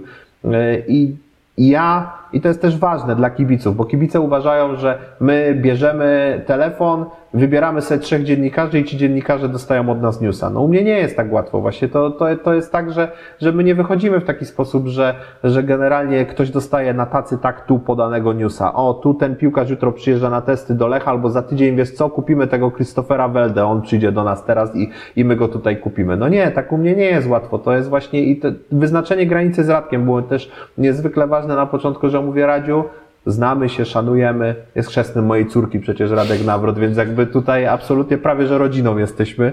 Znamy się z Radkiem od 92 roku, kiedy ja do Radia Afera trafiłem, byłem takim smarkiem 13-letnim jeszcze przed mutacją i czytałem serwisy sportowe, więc Radek już, już, już, Radek jest starszy ode mnie o, o 6 lat, więc, więc jakby jakby już tutaj ta różnica wieku jest, ale Radek też w aferze działał wtedy i tak się poznaliśmy, potem razem do wyborczej trafiliśmy e, i dopiero rozstaliśmy się tak zawodowo, rozjechaliśmy się w 2004 roku, kiedy ja dostałem taką z wyborczej, będąc wyborczej propozycję nie do odrzucenia z przeglądu sportowego, e, kiedy Krzysztof Stanowski tworzył na nowo dział piłkarski przeglądu sportowego i zadzwonił Krzysiek do mnie z propozycją, czy moglibyśmy się spotkać. A ciebie Stano zatrudniał? Stano mnie zatrudniał w przeglądzie, znaczy inaczej, dokładnie było w taki A sposób, tego nie że... widziałem, to A, no widzisz, no 2004 rok w lutym e, był bal piłkarza wtedy, zawsze organizowany jest co roku bal piłkarza i Stano przyjechał jako przegląd na ten bal i spotkaliśmy się następnego dnia rano, był totalnie skacowany po tym balu piłkarza Stano, a wyznaczyliśmy sobie, że w sobotę się spotkamy, tam o 10 chyba śniadanie, śniadanie zjemy razem i tak dalej. I rozmowa była krótka ze Staną, on był naprawdę tam mocno skacowany i, i powiedział, że i powiedział, że przyjechałem tutaj, żeby z Tobą porozmawiać, bo chcemy, żebyś pracował teraz dla nas, dla przeglądu sportowego. Ja mówię, no okej, okay, no, no to przedstaw warunki. Mówi, wiesz co, no proponujemy Ci tyle i tyle. I ja nie powiedziałem mu nic, że czy to jest fajna kwota, czy nie, ale w głowie miałem, że to jest, e, słuchaj, trzy razy więcej niż zarabiałem w gazecie wyborczej wtedy. I najlepsze jest to, że ja głupi, mimo że dostaję ofertę trzy razy większych pieniędzy niż zarabiałem do tej pory, powiedziałem stanowiec, co, to daj mi się tak dwa, trzy dni zastanowić, to jest akurat jeszcze ok, ale ja i wracając do domu powiedziałem, że nie, ja chyba nie przyjmę tego. I powiedziałem chłopakom w ogóle w poniedziałek w gazecie, e, że no, byłem na rozmowie, powiedziałem, zagrałem jakby w otwarte karty, ale wiesz co, wiecie co, nie, mi się z wami tak dobrze pracuje. Dla mnie jest ważna atmosfera jakby pracy, tego, że przychodziliśmy codziennie, że byliśmy kumplami z pracy, a nie, a nie, a nie tylko osobami, które się spotykają w miejscu pracy i wykonują swoją robotę i idą do chaty, tylko generalnie, wiesz, po, po pracy gdzieś, czy to na piwko skoczyliśmy, czy, czy jakieś e, fajne historie, czy w piłkę pograliśmy, czy, czy, czy, czy różne, różne takie inne rzeczy. Więc ja powiedziałem, że nie, nie, no to nie ma sensu moim zdaniem, żebym szedł teraz do tego przeglądu. Ja jeszcze tutaj zostanę w tej gazecie. Wziął mnie Radek, pamiętam, na rozmowę tego samego dnia w poniedziałek i powiedział, że wiesz co, dostałem informację taką od szefostwa, że prawdopodobnie będziemy musieli skurczyć dział, jedna osoba będzie musiała odejść i kogoś będę musiał wskazać.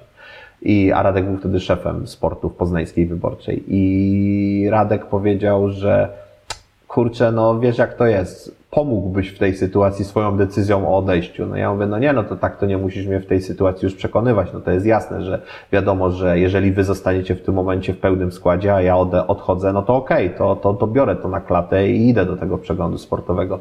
No i to była też fajna decyzja. Ostatecznie wiadomo, że jak się e, odchodzi z pracy, to jest wielki żal, a potem, a potem jest fajnie. No potem okazuje się, że w przeglądzie spełni, spędziłem 15 lat, stuknęło 15, bo idealnie. Od 1 lutego 2004 byłem zatrudniony do 1 lutego 19, więc równe 15 Super. lat y, poleciało w przeglądzie. No i tyle. I, I, fajnie się, I fajnie się pracowało w przeglądzie i też mam wiele przyjaźni, wielu kolegów. E, wiadomo, że jak w Warszawie się rozmawia z kolegami, to większość z nich legioniści, ale to są moi koledzy. No wiadomo, że spieramy się, przekomarzamy się na tematy poznańsko-warszawskie, Lechowo, religijne, natomiast, natomiast jesteśmy kolegami i, i też na piwo razem wyskakujemy, także, także tutaj nie ma problemu. Wracając do Radka i Tak, profesjonalizmu. właśnie jeszcze tylko właśnie, e, bo mówi, że Stano mnie zatrudniał, tak, faktycznie, hierarchia przeglądzie była taka, że jakby przejął e, przegląd wtedy Roman Kołtoń, Romek Kołtoń został redaktorem naczelnym przeglądu, on tworzył redakcję po nowemu, Jacek Kmiecik był zastępcą odpowiadającym za piłkę nożną, zastępcą Romka Kołtonia, ale właściwie tworzenie działu piłkarskiego i szefem działu piłkarskiego był Stano i Stano wziął na siebie jakby zatrudnianie osób poszczególnych, więc jakby taka była hierarchia, żeby też nie ujmować pozostałym osobom, czyli Romek Kołtoń, Jacek Kmiecik, no i Stano właśnie. I... To w ogóle taka mieszanka, która później te historie, które O, się tak, słyszy zakulisowo, o, to tak, po prostu no, tam właśnie jest... Dokładnie, tam e, na noże było już potem przecież między Stanem a, a Jackiem Kmiecikiem, a, a okazuje się, że pracowali wtedy jeszcze No ale Roman też nie był zadowolony ze No współpracy tak, no z, ze tak, Staną, no z tak, tego no co się tak, słyszało. no, z- z- zgadza się, no tam została podjęta decyzja faktycznie o rozstaniu ze Stanem e, w pewnym momencie. E, Wracając do Radka, jakby te, te, tego profesjonalizmu. No i wyznaczenie granicy, no i z Radkiem siadamy i siadamy i rozmawiamy po prostu. Ja mówię, Radziu, no przecież wiesz, znamy się 100 lat, e, przyjaźnimy się i tak dalej, ale to nie jest tak, że wiesz, teraz dostaniesz ode mnie newsy. Ja tobie mogę, wiesz, ułatwić, jak zadzwonisz do mnie i powiesz, że chcesz wywiad z jakimś piłkarzem. No to wiadomo, że będziesz priorytetowo traktowany, dlatego że ja podchodzę tutaj też na maksa profesjonalnie. Jeśli ktoś jest przy leku lata, jeśli ktoś funkcjonuje tutaj i tak dalej, no to wiadomo, że jest pierwszy w kolejności do wywiadów. Nie no, tego jest mu nie można odmówić, przecież to jest Dokładnie, no, też dokładnie. ikona jakaś tu dziennikarska, dokładnie, to jest, dziennikarstwa wiesz, poznańskiego to, jednak, Dokładnie, nie? to jest, wiesz, taka sytuacja, że przecież ten Mikael Iszak nie udzieli 15 wywiadów w rundzie. Mikael Iszak udzieli dwa, maksymalnie trzy wywiady. Ja Ty też to- wiesz, że Radek Tak, zrobi to dobrze jednak, Właśnie. no, no Ja jakby muszę- znasz jego... Dokładnie, no. ja muszę to reglamentować. To jest, wiesz, na zasadzie takiej, że to są wybory. Jak napisze do mnie, jak napisze do mnie portal, który, który czyta naprawdę niewiele osób albo nie jest aktywny jakby około Lechowo, no to ja im nie powiem, że nie, natomiast powiem im e, szczerze, że słuchajcie, no może nie teraz, może za jakiś czas, kiedy będzie jakaś chwila, żeby faktycznie piłkarz porozmawiał, natomiast nie zrobimy tego w tym momencie. Musicie spokojnie swoje poczekać. Czekacie w kolejce. No, są dużo poważniejsze redakcje, większe, które czekają też czasami na wywiady z piłkarzami, bo na przykład prosi mnie piłkarz i to też są historie absolutnie znane. Ja to też mówię szczerze dziennikarzom, że poprosi mnie piłkarz na przykład o to, że daj mi teraz taki miesiąc, dwa spokoju, bo jednak chcę się skupić na grze, teraz nie chcę się rozpraszać i robić wywiadów. I okej, my się czasami zgadzamy na to. Przyjdzie do mnie taki piłkarz i, i, i powie to, to, to absolutnie jestem za tym, żeby, żeby też e, piłkarze czuli się komfortowo jakby. Wiadomo, że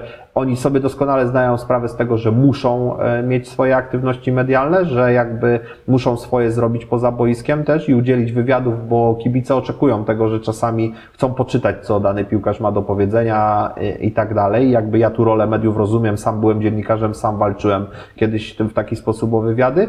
Natomiast jestem w stanie e, na przykład e, piłkarza schować właśnie na miesiąc, dwa, jeżeli mnie o to poprosi. Z Dawidem Kownackim tak było na przykład na początku. Dawid, e, wracając teraz zimą do Lecha, powiedział, że powiedział, e, udzielił wywiadu nam jako Lech TV. E, Chodzi normalnie bez problemów, chodził bez problemów na wywiady, jak tam po meczu, krótkie te takie flashowe wywiady w Kanał Plus, czy tam w telewizji polskiej, jak, jak są przy okazji meczów wywiady. Natomiast jak były, natomiast powiedział mi Dawid, słuchaj, nie chcę teraz, nie chcę teraz przez miesiąc, daj mi taki miesiąc spokoju, że ja chcę na razie się skupić na boisku, wrócić do równowagi na boisku i pomóc drużynie, a nie najpierw rozpo, a nie rozpocząć e, powrót do Lecha od udzielenia dwóch, trzech wywiadów. No bo co mi to da? I tak potem będę rozliczany za to, co, co pokażę na boisku. Ja się z nim zgodziłem. Powiedziałem, Dawid, okej, spokojnie. Po miesiącu wrócimy do tej rozmowy i myślę, że teraz właśnie nadchodzi taki moment, gdzie Dawid pewnie udzieli dwóch, trzech No wywiadów. Dawid, Ale jest, wie- Dawid też jest już- taką osobą, tak. która jednak w język się y, raczej nie szczypie, No więc on też, no jego właśnie. wypowiedzi są mocno zawsze cytowane. Zawsze są mocno cytowane, ale wiesz, no co on miał powiedzieć? No wracam z Niemiec w tej chwili, Tak. jakby chce się odbudować w Lechu i tak dalej. I dopiero boisko pokazało, że Dawid faktycznie fajnie tutaj nam pomaga, strzela gole i tak dalej, jest fajną postacią też w szatni. I teraz może już z perspektywy czasu, z tego doświadczenia miesięcznego, dwumiesięcznego pobytu tu w Poznaniu, coś powiedzieć dziennikarzom. A tak to wiesz, takie na siłę robienie wywiadów, bo przyszedł piłkarz do Lecha, to chce teraz z nim nagle wywiad, to, to, to, to też nie tędy droga. Zawsze musi mieć wszystko swoje miejsce i czas. Zrozumiałe. Y, Takie mam, wydaje mi się, że krótkie pytania, nie wiem, czy będziesz w stanie krótko odpowiedzieć, bo ja mam je krótkie po prostu. Y, Najtrudniejsze w pracy rzecznika jest. E, Co jest najtrudniejsze w pracy rzecznika? mm, znalezienie e, odrobiny wolnego czasu, bo tutaj, wiesz co, byłem przekonany, że jak zamieniałem, zamieniałem dziennikarstwo na e, pracę rzecznika, to myślałem, że a wiesz, od do gdzieś tam e, przyjdę rano o tej 8.30, powiedzmy tutaj gdzieś 9 do 17 e, do domu i tyle. No, okazuje się, że rzecznikiem jest się całą dobę, telefon potrafi mi dzwonić o tak dziwnych porach, że nawet żona mi mówi w domu, że nie odbieraj, nie odbieraj, 22, no gdzie, o której oni chcą dzwonić do ciebie? Ja mówię, nie, no wiesz, no tam 22, no ale no kurczę, może coś pilnego, coś trzeba powiedzieć, skomentować i tak dalej, więc, więc jakby czasami staram się w domu też faktycznie odbierać, odbierać ten telefon no bije rekordy tutaj faktycznie. Ja, ja nie spodziewałem się tego, że może tyle osób mieć sprawę w ciągu dnia do ciebie i, i dzwonić. E, I sam wiesz też, że nie zawsze odbieram telefon, bo po prostu też e, są różne spotkania, mamy, mamy różne spotkania w klubie, dyskutujemy o różnych tematach i tak dalej, jakby jakby tutaj no, mamy swoje, swoje zadania do wykonania i nie zawsze udaje się odbierać telefon, ale są rekordowe dni, kiedy ja mam połączeń odebranych, nieodebranych. Ile miałeś właśnie setki. rekordowo? No wiesz co, taki rekord to jest moim zdaniem któryś, e, któryś dzień, ja to pisałem chyba na Twitterze kiedyś, że któryś dzień zwolnienia trenera w Lechu. A, pamiętam, albo tak Żurawia, pisałeś coś albo, takiego. Ile miałeś wtedy? Żurawia 140 chyba coś takiego Nieodebranych. było połączeń. Nieodebranych, a część odebrałem, wiadomo, część do części Plus SMS-y pewnie. Odzwaniałem, SMS-y, ludzie piszą, Whatsappy, wiesz, Messengery i tak dalej, te wszystkie rzeczy. To jest szaleństwo po prostu. Jak się zdarza taki dzień, to to jest naprawdę szaleństwo, że, że po prostu telefon dzwoni mi praktycznie non-stop. No, dziennikarze też są wyrozumiali, wiedzą, że nie zawsze jestem w stanie z każdym porozmawiać, zamienić zdania, ale wiecie, wiesz, każdy chce od razu komentarz, każdy na gorąco, co, jak, dlaczego i tak dalej. No wiesz, y, też, też nie za wiele mogę też mówić w takich sytuacjach, y, często dużo... Póki się nie rozmówicie, Póki tak? się, tak, dokładnie, póki jakby nie jest, nie jest e, wszystko Ustalony. jakby ustalone, nie pójdzie komunikat, gdzie są jakieś wypowiedzi i tak dalej. No wiadomo, dziennikarze chcą jeszcze więcej tej zakulisowej, takiej gry, tego wszystkiego. Więc jakby, jakby no są, są dni, których, no więc jakby to jest najtrudniejsze. Najtrudniejsze jest to, że ja jestem e, w taki sposób wychowany, że e, każdemu, każdemu chciałbym uchylić czoła i pomóc i tak dalej, a nie jestem w stanie po prostu. I tutaj mogę absolutnie powiedzieć, że przepraszam za to, kiedy gdzieś tam kogoś mówiąc tak brzydko w cudzysłowie oleję i po prostu gdzieś nie oddzwonię, nie odezwę się, no ale nie da się czasami, po prostu się nie da, no ta doba jest za krótka, jeszcze sobie narzuciłem na początku 2022 to pisanie książki, więc, więc byłem bardzo mocno zajęty tym tematem, więc naprawdę, żeby ogarnąć tą całą rzeczywistość lechową, gdyby nie moi koledzy, współpracownicy z działu wspaniała Lilka, która, która Lila, ona nie lubi, no, przepraszam Lila, bo zawsze jak mówię na nią Lilka, to, to ten, nie lubi jak się mówi na nią Lilka, więc Lila. E, Lila wspaniała, gdyby, gdyby właściwie nie ogarniała wszystkich spraw takich związanych z obsługą mediów już podczas meczów, czyli wydawania akredytacji, czyli kwestie przyznawania tych akredytacji, prowadzenia nam całego kalendarza takiego właśnie, co w tygodniu robimy, co publikujemy każdego dnia na stronie. To wszystko jest jej zasługa i właściwie, i właściwie wielkie dzięki, bo, bo, bo nie dalibyśmy rady, nie dalibyśmy rady w dziale. Tyle, tyle się po prostu dzieje wciąż, wciąż dookoła, dookoła naszej pracy. A najtrudniejszy moment Twojej dotychczasowej pracy rzecznika? Mm. Najtrudniejszy to był chyba ten, e, najtrudniejszy to był chyba ten, kiedy wybuchła ta imba na Twitterze e, po meczu z Jagiellonią Białystok, kiedy zresztą po tym meczu zwolniony został trener Żuraw, e, ale to stało się dwa dni później, natomiast e, ta konferencja prasowa, która wtedy, dziennikarze wtedy nie mieli wstępu na konferencje prasowe i my wysyłaliśmy link i- link został wysłany zły chyba z poprzedniej konferencji prasowej, z tej wcześniejszej, link do Zooma, bo dziennikarze się chyba za pośrednictwem Zooma łączyli. I dziennikarze i e, Hubert Michnowicz wtedy napisał, że nie można zadać pytań trenerowi Żurawiowi, bo link nie działa, nie można wejść na tą konferencję prasową, bo my transmitujemy tą konferencję na YouTubie, natomiast dziennikarze byli po, za pośrednictwem Zooma połączeni, żeby móc zadać pytania.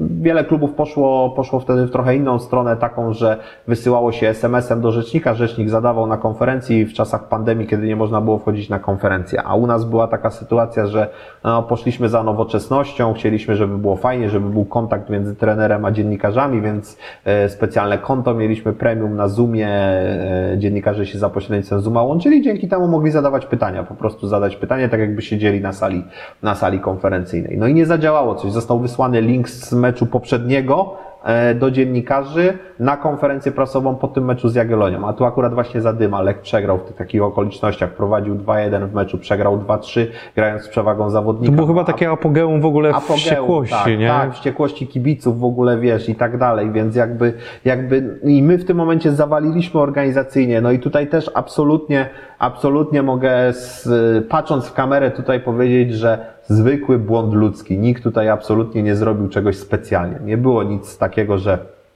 Chcieliśmy, żeby trenerowi Żurawiowi nie zadawali dziennikarze trudnych pytań, to, wys, to wysłaliśmy im złego linka. No i zagotowałem się, ponieważ Hubert Michtowicz ma mój numer telefonu, mógł do mnie zadzwonić, mógł da, dać mi znać, napisać na Messengerze, na Whatsappie, gdziekolwiek, słuchaj, jest zły link.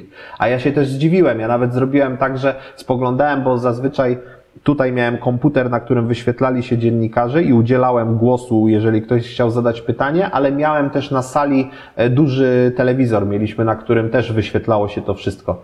I włączy, połączyliśmy konferencję, zaczęliśmy konferencję, Darek powiedział swoje, Darek powiedział swoje, swoje zdania, a ja tutaj powinienem mieć listę dziennikarzy, których ja wpuszczałem zresztą też musiałem. Okej, I to było to co, to, co on uznał, Tak. że on został niewpuszczony na konferencję, tak? Tak, że on, że jakby, że, że, nie, że nie może się dostać na konferencję, bo po prostu wszedł na link taki, w którym ja nie byłem w stanie go No wpuścić. ja kojarzę no i tam chyba on no. napisał coś na Twitterze, że... Tak, że, napisał na Twitterze, że, nie można no, wejść, że jest jakiś problem. Okej. I ja po prostu zagotowałem się i odpisałem mu w taki dosyć bezczelny sposób, taki, no, ale faktycznie wiesz, no, zagotowany po meczu, te emocje, przegrany mecz, kurczę, zadyma po całości, jesteśmy, jesteśmy dziadami, tak mówiąc, mówiąc brutalnie, jeżeli chodzi o to, co pokazywaliśmy na boisku. Po skwaro, skwarowemu. no, dokładnie, dokładnie. I wiesz, i, i tyle, no i po prostu zagotowałem się źle mu odpisami tego żałuję i to był najtrudniejszy moment, bo wtedy wie, wiesz, połajanki ze strony wszystkich na Twitterze od razu podchwycili, ludzie lubią imbę na Tak. Twitterze, lubią od razu się podczepić, napisać mi, wyzwać mnie od najgorszych w ogóle, wiesz, i tak dalej, więc jakby, no klasyka taka, nie? Z Hubertem oczywiście sobie potem wszystko wyjaśniłem, jakby z Hubertem, z Hubertem do dziś żyjemy naprawdę na dobrych stosunkach, więc jakby tutaj kwestia, kwestia złości trzymała, trzymała przez chwilę, ale naprawdę jest wszystko ok. Natomiast no taki najtrudniejszy moment faktycznie, bo zawaliliśmy po prostu zwyczajnie, organizacyjnie, złego linka wysłaliśmy. No kurczę, nie mogli dziennikarze zadać ten jeden, jeden, jeden, jedyny raz pytania i mogą to traktować jako no naprawdę dziwny zbieg okoliczności. Mogą powiedzieć, że o, zbieg okoliczności taki faktycznie akurat wam się to wtedy zdarzyło. No kurde, zdarzyło nam się akurat właśnie wtedy. No i to właśnie, właśnie w- właśnie ja mam akurat trochę nawiązaniu do, do, tych dwu, do tej sytuacji i tego, co tu mówisz, bo wydaje mi się, że tym apogeum właśnie to, to zwolnienie wokół e, trenera Żurawia, tam odejście Skrzypczaka, trenera, Tak. e, gdzieś tam domaganie się zwolnienia e, dyrektora Rząsy, Tak. e, że m- mam wrażenie, że wtedy było tak gorąco w klubie było naprawdę tak, że Mhm. od razu sobie pomyślałem o tobie, że, że no, no masz naprawdę tam no, gnój, jak to się mówi, no, miałeś, mówiąc- miałeś totalny gnój, nie? No mówiąc w największym skrócie, wiesz, no przeszedłem po prostu taką ścieżkę zdrowia. No miałem o, wiesz, pracując w klubie, przyszedłem fajnie 1 lutego 19, y, zacząłem pracę, entuzjazm, wiesz, trafiłem do ukochanego miejsca, do miejsca, które traktuję jak drugi dom, bo jestem poznaniakiem, znam tutaj, wiesz, nie miałem okazji, ze względu na to, że urodziłem się w 79, nie miałem jakby okazji Lecha oglądać w Poznaniu na innych stadionach w roli gospodarza, poza jednym meczem na Dębcu, który się wyjątkowo w 96 roku odbył, bo tu stadion przy Bułgarskiej był zamknięty, także my rozmawiamy tu przy Bułgarskiej, a tu znam każdy kąt. Starego stadionu przy Bułgarskiej, nowego stadionu, wiesz, fu- funkcjonowałem, byłem tu praktycznie, praktycznie codziennie od takiego wieku, nie wiem, 17-18 lat, to, to wiesz, ja odwiedzałem ten stadion, znam tutaj praktycznie, tak jak mówię, każdy kąt i wszystkich, więc y, spełnienie marzeń, jakaś tam praca w Lechu, absolutnie, wiesz, porzuciłem te plany, o których wcześniej mówiłem, kiedy okazało się, że mogę trafić do Lecha, więc mówię, dobra, jeszcze będzie czas, czy na gastronomię, czy na właśnie jakby te, te inne kwestie, o których mówiłem, inne tematy biznesowe. Y, Jestem w Lechu, chcę być w Lechu, chcę być tutaj jak najdłużej. Zaczynam, kończy się ten pierwszy sezon, on był taki, no wiadomo, zwolnienie trenera Nawałki, ale okej, przyszedł trener Żuraw, dokończył ten sezon, trochę optymizmu wśród kibiców, bo tu jakieś transfery latem i tak dalej, zaczęliśmy nowy sezon, potem, e, potem Już chwilę tam było tego kryzysu, no ale wiosną wyjście na to drugie miejsce w okresie pandemii, no i przede wszystkim ten awans do Ligi Europy, więc jakby uważałem, że no wszystko się zaczyna fajnie, fajnie układać. No i Tak ci zamazało trochę obraz tego. Zamazało trochę obraz i, i nagle to tąpnięcie wiosną, gdzie wylądowaliśmy na ostatecznie na 11 miejscu, to zwolnienie trenera Żurawia, to wszystko, co się tam nie układało, jeśli chodzi o, o, o nasze bo, o boisko, o te porażki, wiesz, mecz bez publiczności, tutaj sami oglądamy ten mecz. Stal Mielec strzela nam dwa gole po autach w końcówce, nie? Po wyrzutach z autu, no to po prostu wiesz, no to w tym momencie ręce opadają po prostu i człowiek ma dosyć, kompletnie ma dosyć, nie? A, ale no, ale dobrze, no przetrwaliśmy, przetrwaliśmy ten trudny moment, no i, i patrzymy z podniesioną głową w przyszłość, no kurczę, mm, To jest chyba, to jest, to jest chyba fajne y, w tym wszystkim, że jednak z tego roller Tak. coastera można, można wyjść. Cho- Chociaż trzeba przyznać, że nie wszystkie kluby mają taką Tak. możliwość. Tak. E, Wiesz, Lech był w trudniejszych momentach. Ja Tak, żeby, tak, no, żeby no, wyjaśnić jasne. to, wiesz, jasne, Lech teraz jest, jest klubem bogatym, jest klubem, który walczy o najwyższe cele. Yy, Nie lubią ludzie tego najwyższe cele. Walczy o Mistrzostwo i Puchar Polski, czyli o, o trofea po prostu, można w największym skrócie powiedzieć. Ale wiesz, ja pamiętam Lecha i to też jest Zmienia się to pokolenie. Jak weszły media społecznościowe, weszło dużo młodych, weszło dużo młodych osób do mediów społecznościowych, które nie pamiętają Lecha. Jak się wspomina Lecha z roku 2008-2009, to powoli gdzieś zacierają się nazwiska, nazwiska piłkarzy, którzy wtedy grali w Lechu. Jak się mówi piłk, e, kibicom Dima Iniacz, Zlatko Tanewski, Tomek Bandrowski, to już część kibiców nie klei w ogóle, wiesz, jakby nie, już, już, już Słuchaj, po fuzji, no już te, te, te dzieciaki Tak. gdzieś tam będą miały zaraz po, po to chodzi 20 właśnie, lat, że to nie? są już no, ludzie, którzy po- jakby wiesz no, i, po- i właśnie ludzie tego nie kleją, a Lech był naprawdę, mówiąc brzydko, brutalnie w czarnej dupie swego czasu w historii. Przecież będę miał w książce też historię, jak y, w 2005 roku, rok przed połączeniem, przed y, właściwie nie połączeniem, tylko zainwestowaniem w Lecha przez holding Amika, kiedy Radek Majszak, ówczesny prezes Lecha, pewnie to by to opowiadał, bo nie, nie przesłuchałem jeszcze tego No, wywiadu, dopiero co ale, rozmawialiśmy, ale roz, no. właśnie rozmawialiście, więc, więc jakby muszę też e, któryś wieczór poświęcić, żeby sobie odsłuchać na spokoju ten wywiad z Radziem. I Radziu e, był w Warszawie z Radkiem Sołtysem, z ówczesnym wiceprezesem klubu, obecnie jeszcze pracującym w klubie tutaj w dziale bezpieczeństwa. I oni pojechali do Warszawy walczyć o licencję i oni w pierwszym momencie e, tej licencji nie dostali w 2005 roku. I Radek e, opowiada historię, że wyszli przed PZPN, zapalił papierosa i on powiedział, ja nie wracam do Poznania. Ponieważ mnie tam, mówiąc w skrócie, zajebią po prostu, że doprowadziłem do upadku Lecha, że Lech upada, że Lech nie dostaje licencji, że musi gdzieś tam zacząć pewnie, wiesz, od jakiejś czwartej ligi czy coś takiego. I to były takie trudne momenty w historii Lecha. Dlatego wiesz, teraz wiadomo, tąpnięcie jest, przeżywam, niesamowicie przeżywam. Ja, wszyscy pracownicy klubu, kiedy jest jakieś niepowodzenie, kiedy osuwamy się w tabeli, kiedy wiesz, coś nie wychodzi, kiedy nie zajmujemy takiego miejsca, jakie byśmy chcieli w tabeli, ale przypominam sobie zawsze w tej sytuacji, że kurczę, ten klub był naprawdę na skraju, na skraju i to nie tak dawno, to było 15-16 lat temu, kiedy wiesz, gdyby nie inwestycja holdingu Amika, to nie wiem, jakby się ten Lech odbudowywał od tej czwartej ligi gdzieś tam, gdzieś tam po kolei. Także, także to są takie historie, które też warto, żeby kibice, żeby kibice zrozumieli, jak utyskują na to, że, że nie wiem, ci źli Rutkowscy i tak dalej. Yy, Właściwie można powiedzieć, że uratowali Lecha, że sprawili, że, że ten Lech dziś jest poukładany organizacyjnie, finansowo i żadne tąpnięcie mu nie grozi. To, że za chwilę gdzieś e, stałoby się coś złego, jeden, drugi sponsor, trzeci, nie wiem, odszedł na przykład z klubu, to nie oznacza, że będziemy tutaj zamykać i ostatni będzie gasił światło, bo ten klub ma naprawdę mocne podstawy organizacyjne, żeby funkcjonować przez lata po prostu i być, i być w tej ścisłej, ścisłej czołówce, czołówce polskiej. No co by nie mówić, nazwa po prostu Lech Poznań e, w końcu cały czas istnieje, jest e, i Właśnie. wiadomo, że tutaj przeciwnicy czy tam mhm, no, osoby, które są nieprzychylne Lechowi zawsze będą wypominać Tak. e, tą fuzję.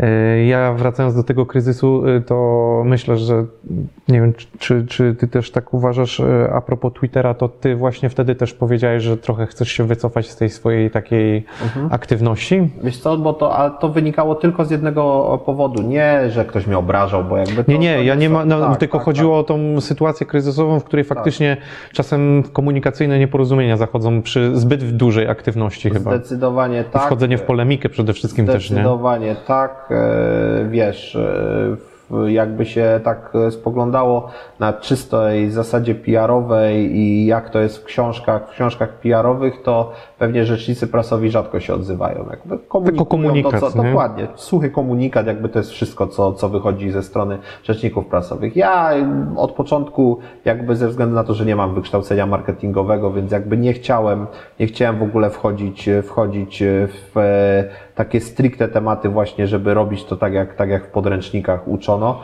Trochę tak jak z dziennikarstwem, nie? Jak mówiłem, że dziennikarstwa się nie nauczysz na uczelni, więc e, chciałem podejść do tego w inny sposób. Chciałem tak tu z e, sercem na dłoni e, do kibiców i tak dalej. Ale na dłuższą metę się nie da, bo jednak mimo wszystko jestem aktywny nadal na Twitterze, odpisuję, ale robię to, e, robię to troszkę rzadziej. Nie robię tego tak, że codziennie, co godzinę, nie wiem, sprawdzam i, i odpisuję na wszystkie powiadomienia, tylko ram, nie wiem, raz na dwa, trzy dni na przykład spojrzę i odpiszę kibicom, albo na przykład widzę, że mam sporo powiadomień, czyli jest jakiś ja- ważny temat, no to gdzieś tam staram się na szybko, na szybko odpowiedzieć. Kalkulujesz bardziej, tak można Tak, nazwać. bardziej można powiedzieć kalkuluję, aczkolwiek e, wynika to z e, prostego powodu. Ja traciłem po prostu na to zbyt dużo czasu, a muszę się zająć wieloma innymi rzeczami i to nie jest tak, że ja mam w obowiązkach gdzieś wpisane, że muszę zajmować się Twitterem. Ja chcę zajmować się Twitterem, bo chcę, żeby mieć z kibicami kontakt, żebym wiedział też, co kibicom leży na wątrobie czasami, albo, albo wyjaśnić jakąś sytuację, bo lubię czyste sytuacje, nie lubię, kiedy, kiedy sytuacje są niewyjaśnione.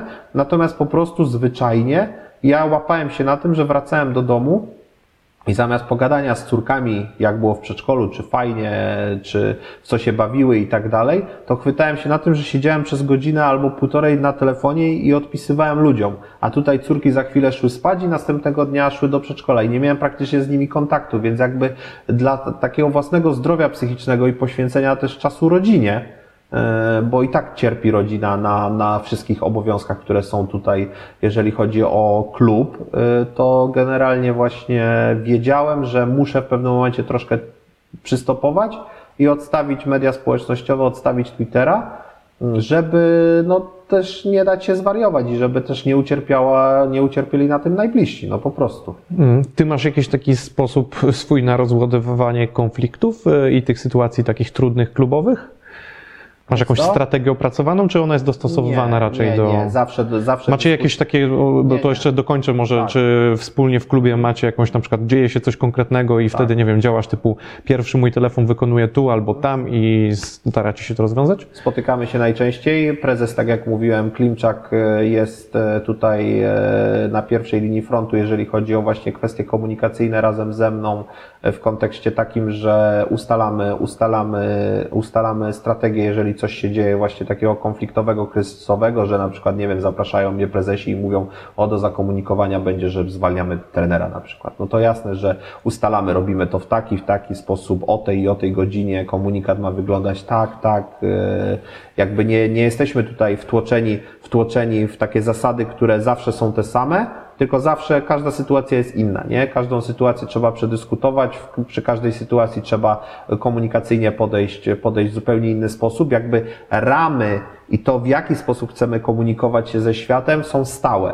To znaczy, yy, to znaczy, yy, na pewno, na pewno y, i to wiele, wiele klubów ma i, i to w ogóle jest, jest jakby standardem, że jakby ważne są dla nas okna pogodowe, to znaczy trochę jak z tymi Himalajstami gdzieś tam wspinającymi się na ośmiotysięczniki, że oni atakują szczyt, kiedy jest y, okno pogodowe. My też czasami na komunikację jakichś ważnych, istotnych kwestii e, zostawiamy czas, kiedy jest właśnie to okno pogodowe. To znaczy, jeżeli nie jest moment taki, żeby coś ważnego, coś takiego kontrowersyjnego zakomunikować, a moment jest trudny na przykład boiskowo z sytuacją, no to potrafimy poczekać chwilkę na przykład, żeby coś zakomunikować. I to jest jakby standard. To nie jest tak, że, to nie jest tak, że jesteśmy jedyni tutaj właśnie w tym temacie.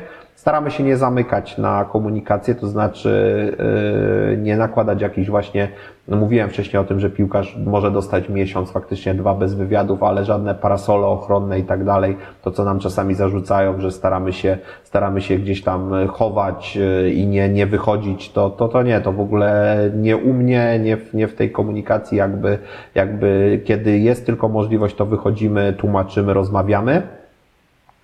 E, no i tyle, no i to, to, to, to są jakby właśnie te, to, to są właśnie jakby te standardy, natomiast każda sytuacja, tak jak mówiłem, jest inna i każdą, każdą jakby tutaj omawiamy. Jeszcze też jakby do wyjaśnienia kwestia, bo to kibice często zarzucają, że nie wiem, że mało jest prezesów w mediach i tak dalej. Często jest podawany przykład, że, że przecież jak spojrzymy na kluby zagraniczne, to te największe kluby europejskie, to tam prezesi klubów albo właściciele to tak praktycznie wypowiadają się bardzo rzadko. Ja nie widuję wywiadów. O ile w wywiadów, ogóle się- O ile w ogóle udzielają dużych wywiadów. My i tak przyzwyczailiśmy kibiców do tego, że bardzo często wychodzili prezesi Klimczak i Rutkowski. U No i nas to potem- w ogóle, że piłkarze się wypowiadają O, bardzo właśnie, to często. też jest Gdzie no, piłkarz tak, za granicą, tak, takie tak, mega tak. gwiazdy, to w ogóle wywiadów nie udzielą. Do, do klubowych, tak jak i tyle tego jest, nie? Dokładnie i to są właśnie i to są właśnie te kwestie, że bardzo mało jest, bardzo mało jest wywiadów takich właśnie prasowych z piłkarzami. Natomiast e, prezesi mm, jak udzielali po kilka wywiadów, to potem jest mielenie. A tu powiedział to, a tu tamto, tu wyciągnęli mu zdanie, ciągnie się to zdanie potem za nim przez pół roku, nie zwracają uwagi na pozostałe 10 tysięcy znaków, gdzie tam wytłumaczył, wszystko opowiedział, tylko jedno zdanie wyrwane z kontekstu i młotkują, i młotkują i na tym Twitterze i gadają o tym, że bzdurę powiedział tutaj, że, że w ogóle skandal i tak dalej. No więc doszliśmy do takiego wniosku, że właśnie już prezesi, zanim jeszcze zostałem zatrudniony, to jeszcze było za Łukasza Borowicza, prezesi wypowiadają się tylko w przerwach między sezonami, żeby jakby nie narzucać też presji dla trenera, dla dyrektora sportowego, dla piłkarzy, y, mówiąc coś w trakcie rundy, że na przykład jest trudny moment, dziennikarz chce wywiad na przykład w trakcie rundy. Gramy mecze, nie zajmujemy pierwszego miejsca, jesteśmy na ósmym i, i dziennikarz chce wywiad. No to wiadomo, że prezes musiałby powiedzieć kilka mocnych zdań, tak, że jakby nie jesteśmy zadowoleni, ale nie no, spokojnie, niech oni wykonają najpierw tam swoją pracę, a my potem będziemy tutaj komentować, y, jeżeli chodzi o prezesów. I dwa, nie robimy wywiadów po prostu na pęczki między sezonami. Czyli nie robimy tak, że Piotr u czterech dziennikarzy praktycznie powie to samo, tam będzie się różnić w szczegółach, będą się różnić te wywiady, tylko po prostu robimy jeden porządny wywiad yy, z dziennikarzem i tyle po prostu. I, i jakby i tak wiemy, że tak jak mówiłem, jest to przepisywactwo. I tak wiemy, że jak wywiad się pojawi w jednym miejscu, to w 16 kolejnych zostanie zacytowany ten Piotr, więc jakby no nie ma sensu w tym momencie siadać do 4-5 wywiadów, tylko jeden, a porządny wystarczy i tyle po prostu. Wyjaśniamy wszystkie kwestie i działamy dalej. No my nie skupiamy się na tym, żeby, wiesz, yy, wyjść, udzielić 4-5 wywiadów, i tracić w tym momencie czas, potem jeszcze wiesz, spisywa, spisuje dziennikarz, my autoryzujemy, musimy przeczytać to i tak dalej, czy tam wszystko jest ok. My po prostu udzielamy jednego wywiadu, zamykamy temat i Piotr idzie w swoją stronę, zajmuje się tematami sportowymi, pilnuje tego, żeby wszystko z zespołem było w porządku i ja zajmuję się swoimi tematami komunikacyjnymi i tym, żeby, żeby ten content, czy to w mediach społecznościowych, czy na stronie internetowej, czy w Lech TV był dostarczony i tyle po prostu. Ja to w pełni rozumiem i, i myślę, że ta odpowiedź mam nadzieję, że będzie satysfakcjonowała też kibiców i widzów, e, więc Macieju, e, dzięki za te wszystkie informacje, które ty nam przekazałeś. E, przede wszystkim za twoje historie, bo jak sam wiesz, ty- ja staram się z tych wywiadach nie skupiać tylko i wyłącznie na klubowych, więc jeżeli kibice Lecha to oglądają, więc przypuszczam, mogą troszkę być zawiedzeni, że nie ciągnęliśmy pewnych tematów, ale e, moja rola jest trochę inna. Ja w swoich, na swoim kanale staram się trochę pokazać też jest osoby. właśnie- tak. E, Ciebie jako rzecznika przede wszystkim, ale dziennikarza i tych Twoich historii e, chciałem troszeczkę poznać, a przyznam, że Ty jesteś pierwszym rzecznikiem, z którym zrobiłem wywiad. No ale właśnie zawsze z, zawsze mnie pierwszy ciekawi, raz, bo za Tobą tak. stoi jeszcze dużo ciekawych historii, więc to, to jest Tak, dla mnie no wiesz, istotne. no ja nie? jeżdżę za Lechem, jeździłem za Lechem no 27 lat jako dziennikarz, mając mówię 13 13 lat zaczynałem, zaczynałem jako dziennikarz, jeździłem za Lechem, teraz jestem rzecznikiem, więc stuknęło mi, mam lat, y, w tym roku skończę 43, natomiast y, no 30 lat takie na szlaku za Lechem. Nie, jest, nie jestem, nie, nie, nie, wiadomo, znam bardzo dużo kibiców, bo jestem poznaniakiem, mam wielu kolegów, którzy chodzą na mecze, którzy jeżdżą na wyjazdy i tak dalej, więc jakby mam te znajomości w środowisku kibicowskim, natomiast nie byłem jednym z nich tam, przez to, że zaczynałem jako 13-latek, nie zacząłem tego swojego szlaku wyjazdowego. Tych wyjazdów z Zalechem, tak jak takich kibicowskich stricte, to mam pewnie kilka tylko. Natomiast, natomiast no jeździłem za Lechem i wszędzie byłem e, praktycznie e, jako dziennikarz, więc e, i to też e, żeby kibice też dobrze zrozumieli, to nie jest tak, że szliśmy na łatwiznę w e, dziennikarstwie i, i było takie Eldorado, że ja sobie wybierałem, jeździłem sobie na wszystkie mecze, komforcik, hotelik e, i tak dalej, za wszystko mi płacili delegacje. Nie. Bardzo długo, naprawdę bardzo długo jako dziennikarz jeździłem za swoje pieniądze po prostu. Wykładałem swoje pieniądze i, i traktowałem ten zawód dziennikarza na tyle profesjonalnie i chciałem być z Lechem wszędzie tam, gdzie, gdzie Lech gra, że po prostu jeździłem na te mecze i tyle po prostu. Więc, więc 30 lat za Lechem się najeździłem, tak jak podsumowujesz i, i też mam, mam prawo mieć sporo swoich przemyśleń, tego wszystkiego, co, co z Lechem przeżyłem i, i tak jak w tej pigułce pewnie tutaj, chociaż ja wiesz, wiesz doskonale, że jestem gaduła i widzisz to przy tym nagraniu tutaj na końcu, ile tych minut ostatecznie wyjdzie, natomiast yy, no pewnie wiesz, nie liznęliśmy nawet, nawet takiego ułamka tego wszystkiego, co, Ale, co wiesz, Maciej, udało mi się przeżyć. Słuchaj, e, właśnie, no bo ja też zdaję sobie sprawę, że gdybyśmy siedli, to byśmy tu rozmawiali i rozmawiali. E, Zrobiliśmy taką małą, małą pigułkę tego, co Tak. mógłbyś opowiedzieć, ale myślę, że możemy zachęcić do tej twojej książki, prawda? Ona się kiedy ukaże? Tak, wiesz co, jeżeli chodzi o książkę, to właśnie e, no tutaj terminowo jest tak, że książka jest napisana, ale jeżeli chodzi o wydanie książki, to troszkę tutaj rozjeżdżają nam się terminy, bo redagować będzie moją książkę Radek Nawrot.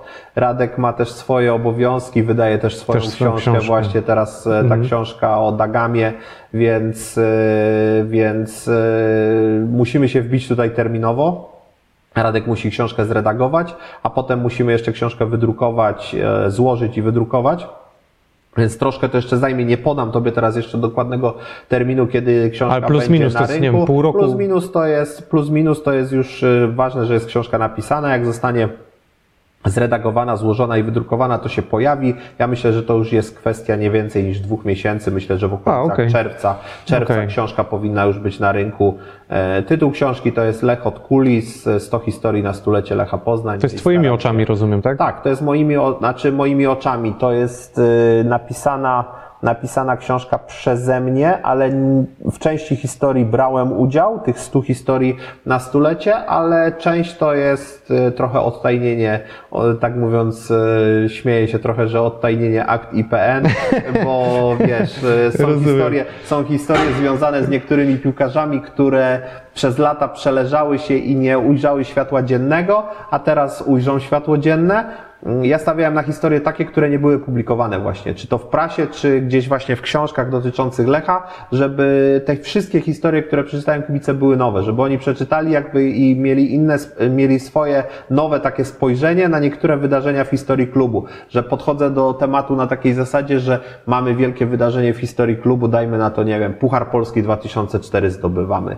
E, Ten słynny puchar za Czesia Michniewicza, taki sensacyjny, niespodziewany puchar Polski biednego jak mysz kościelna Lecha. No i tu dorzucamy sobie jakąś historię fajną do tego, na przykład taką z zakulis, która, która nie była nigdzie publikowana. Spada Lech do, do drugiej ligi w roku 2000, dorzucamy jakąś fajną historię. Robimy w 2002 awans e, do ekstraklasy, odtajniamy akta IPN i wreszcie, i kibice przeczytają wreszcie o tym, jak 20 chłopa piłkarzy Lecha Poznań na zgrupowaniu po awansie do Ekstraklasy, na zgrupowaniu przed y, pierwszym sezonem po awansie do Ekstraklasy, sezon 2002-2003, latem w Trzciance, na dyskotece lało się z 20 miejscowymi e, kolesiami. Po Nie, no, no, to Maciej, Po prostu to- doszło do bitwy, do bitwy między, między, od słowa do słowa i tam po prostu piłkarze Lecha lali się normalnie z miejscowymi, z lokalsami w Trzciance na dyskotece. No i są takie historie właśnie. Takie, takie akta IPN To odtajniamy. już chyba musicie przyznać, że nie możemy się doczekać na pewno tej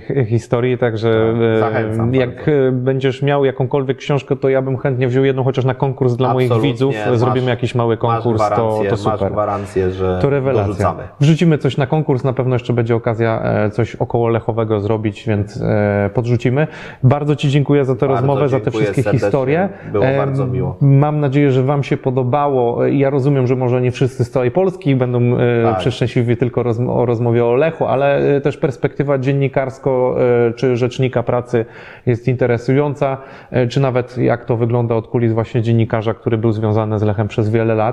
E, Jeżeli dotrwałeś do tego momentu, to bardzo Ci dziękuję za oglądanie. Oczywiście tych nowych widzów, czy tych, którzy jeszcze nie subskrybują kanału, to gorąco zachęcam do subskrypcji, trzeba kliknąć. E, Superbet, e, link do rejestracji futbolownia, śmiało zapraszam, flashscore do pobrania.